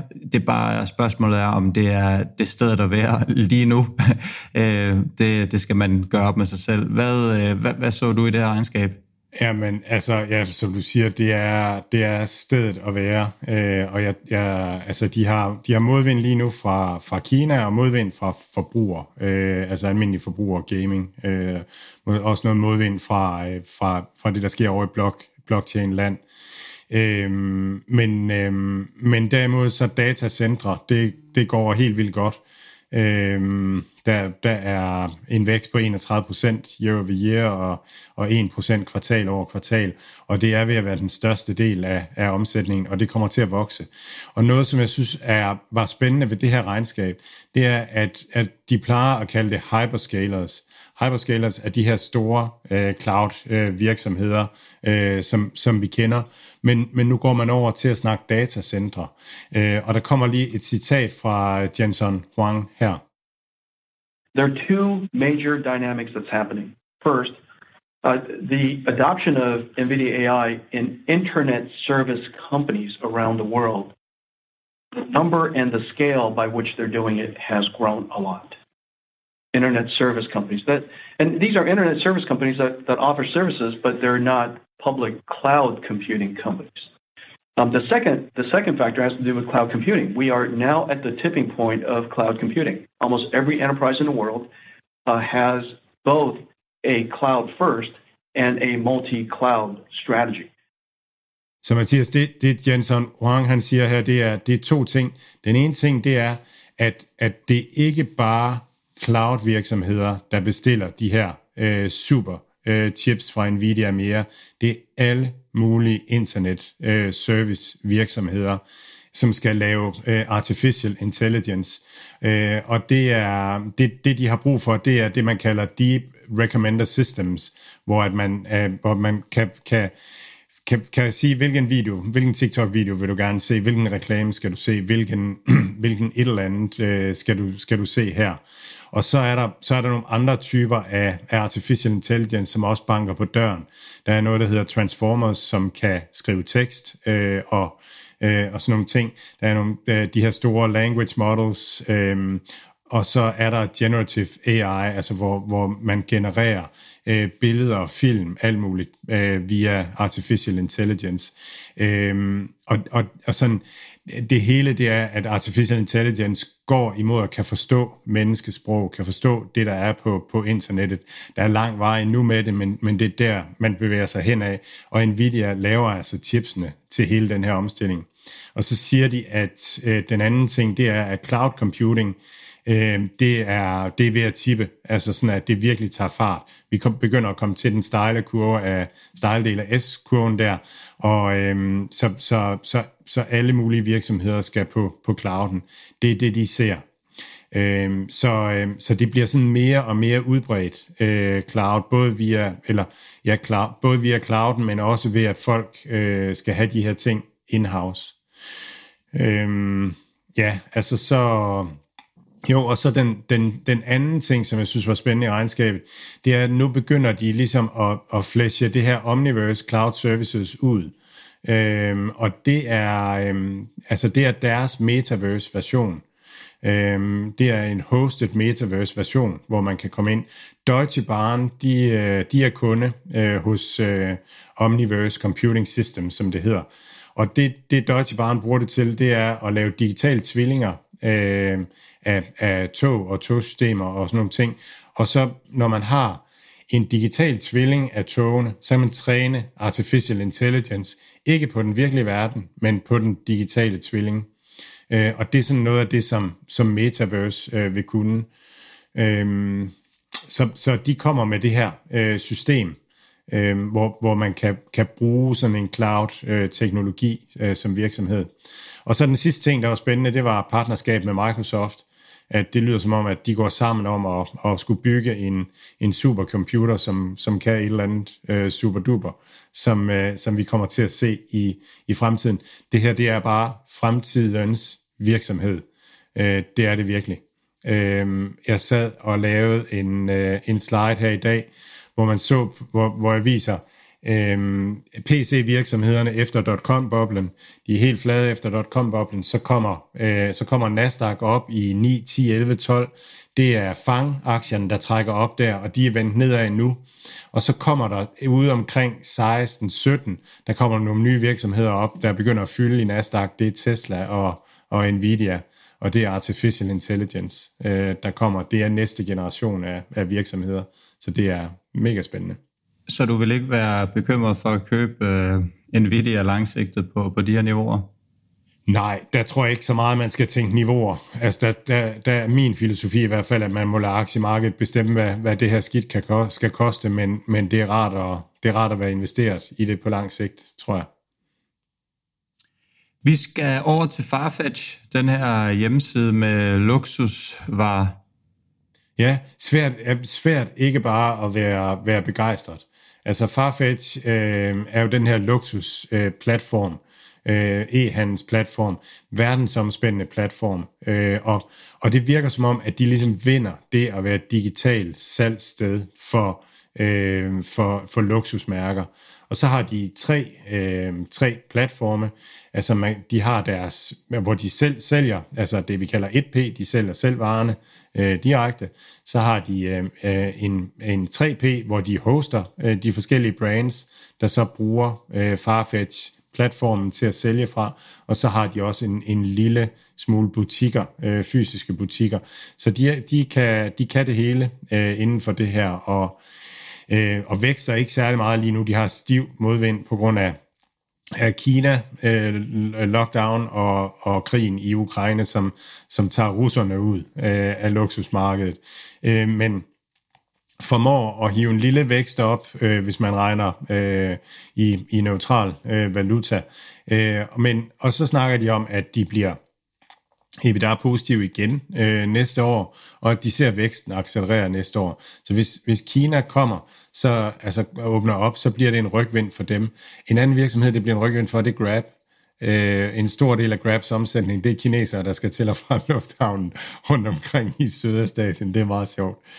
Så, øh, jeg så jeg synes, uh, Farfetch virker som en, en rigtig god øh, mulighed øh, her på, den har, en, uh, den har en dum, dum fredag, ned 13 procent i dag i kurs 7, jeg tror for i september i, i 21 var den i, i omkring 74 eller et eller andet, så der er godt nok også blevet skåret meget ned, så det kan godt være, at man skal til at gøre det, fordi at, at som vi har talt om, at, at det her luksussegment segment, øhm, det er ikke lige så hårdt ramt ved en inflation, fordi de folk, der har, øh, har mange, rigtig mange penge, jamen de, de, de køber stadigvæk øh, tingene, og, og når du tager en tur mm. i, i et af de store malls, øh, hvad nu her i Dubai, hvor jeg er pt er, jamen der er også masser af gang i, i Christian Dior og, øh, og Louis ja. Vuitton og de, de andre butikker, så, øh, så der, er altså ikke, der er altså ikke krise nu. Det er selvfølgelig også alle de russere, som, som er kommet ud af landet, som er nede og skyder nogle skejser af, inden de bliver smidt i hæren. Så fair nok, lad dem, lad dem, lad dem, lad dem køre noget af, lad dem køre noget af det, det der. Øhm, vi skal over til Palo Alto uh, Networks, den her uh, ja, cybersecurity virksomhed, kan vi vel godt kalde den, blandt, blandt mere eller blandt andet. Kan du ikke lige yeah. prøve at, øh, at, at tage os jo. igennem det? Det er jo også en af, en af de her langsigtede vinder, håber vi i hvert fald, ja. eller går vi ud fra. Ja, de kommer fra at være sådan en, en firewall-producent øh, og øh, øh, selskab, og så er de i gang med at, at komme med på den næste generation øh, af, af, af sikkerhed. De har en vækst i billings øh, på øh, 27 procent til 1,75 milliarder, øh, og deres øh, det her næste generations øh, øh, sikkerhed vokser øh, til vokser 67 procent. Øh, så nu har de en, en årlig run rate på det på over 2 milliarder. Så det begynder at være en, en solid del af, af virksomheden. De opjusterer igen forventningerne, de har overskud, øh, stigende overskud, køber aktier tilbage og, og, og står bare rigtig, rigtig øh, godt øh, i det her. Og man kan sige, at sådan en virksomhed som Palo Alto er jo, er jo egentlig blevet stærkere øh, efter de her ændringer, der er kommet, fordi de har en del af virksomheden, som genererer et cashflow, sådan at, at, øh, at de kan investere rigtig meget i, i alt det nye, der er der. De taler også om længere salgscyklus øh, end, end tidligere, men, men det er bare rigtig solidt. Og så kan man sige sådan strategisk, altså at Palo Alto er jo ikke blevet ramt så hårdt, fordi den har været, været positivt indtjenende. Så hvis man nu på, når, man, når man tror på, at vi på et eller andet tidspunkt kommer til at gå mod en løsere øh, øh, pengepolitik, øh, jamen så, så vil det være de andre aktier, de mest udbumpede, som vil være de bedste. Så det her, det er sådan en, der ikke falder så meget i en krise, men den stiger heller ikke så meget, når vi kommer ud på, på den anden side af krisen. Så det er hverken en anbefaling eller en modanbefaling. Jeg synes, det er en fantastisk aktie. Øh, bare som du siger, en, en god langsigtet vinder. Så kiggede jeg lige lidt på øh, Global E, den her platform til at accelerere sådan direct-to-consumers, cross-border, e-commerce. Jeg ved ikke, om du lige kan, kan oversætte det til lidt bedre til dansk og, og forklare, hvad, hvad det er, de præcis laver, Mads. Jo, men det er jo, at, at, at du som, øh, som, de har en platform, hvor du som virksomhed kan, kan sælge øh, direkte til, til kunder rundt omkring i verden. Så har de en øh, en samarbejdspartner i, øh, i Dubai eller i øh, Bangladesh eller, eller hvor det nu er, sådan at de har styr på det og sørger for logistikken og sørger for, at der er styr på betalingerne. De har en ny kunde, de, øh, de nævnte nye kunder på deres regnskab, og det er Ole Henriksen som er, er ny kunde hos, øh, hos øh, Global E. Og det betyder så, at Ole han kan sælge hans cremer alle vegne, uden at han selv skal tage telefonen og ringe til en nede i Bangladesh og sige, vil du være min lokale agent øh, for mine cremer her? Øhm, og, og det gør det bare meget mere tilgængeligt at sælge cross-border, meget mere sikkert og så videre. Og så må Global E godt få en, en del af den kage, fordi det er ligesom, det er ligesom bare noget ekstra for Ole Henriksen øh, at sælge derude. Det var øh, flot resultat, 80% growth i øh, omsætningen, øh, som du siger, mange nye, øh, vigtige og store kunder øh, af, af forskellige øh, ja, områder øh, inden, for, inden for varer. Øhm, og, øh, og deres CEO, han var også øh, ekstremt øh, ja, positiv gående fremad om, omkring det her øh, lang, lang long-term øh, øh, perspektiv.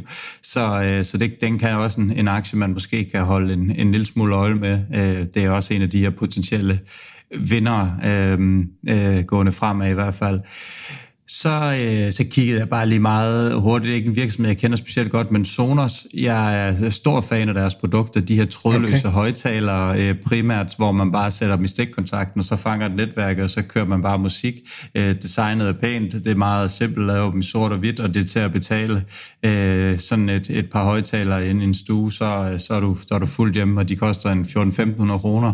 Øh, hvad hedder det nu, de leverede et, et fint regnskab, og det er også sådan en af de der, jeg, jeg har bare ikke rigtig nogen, det, det er svært at lave nye produkter, sådan lige umiddelbart inden, inden for det her uh, space, men, uh, men det er i hvert fald et godt produkt, de har nu, så altså, det, det skal heller ikke være, hvor jeg siger, ah, jamen det, det tror jeg, at, at, at det er en aktie, jeg går ind og køber, men, uh, men det var bare meget sjovt, fordi at, at nu, nu, når man er flittig bruger deres produkt, så er det meget sjovt, at når de, de kommer ud af regnskabet, så kunne jeg ikke lade være at, at kigge det.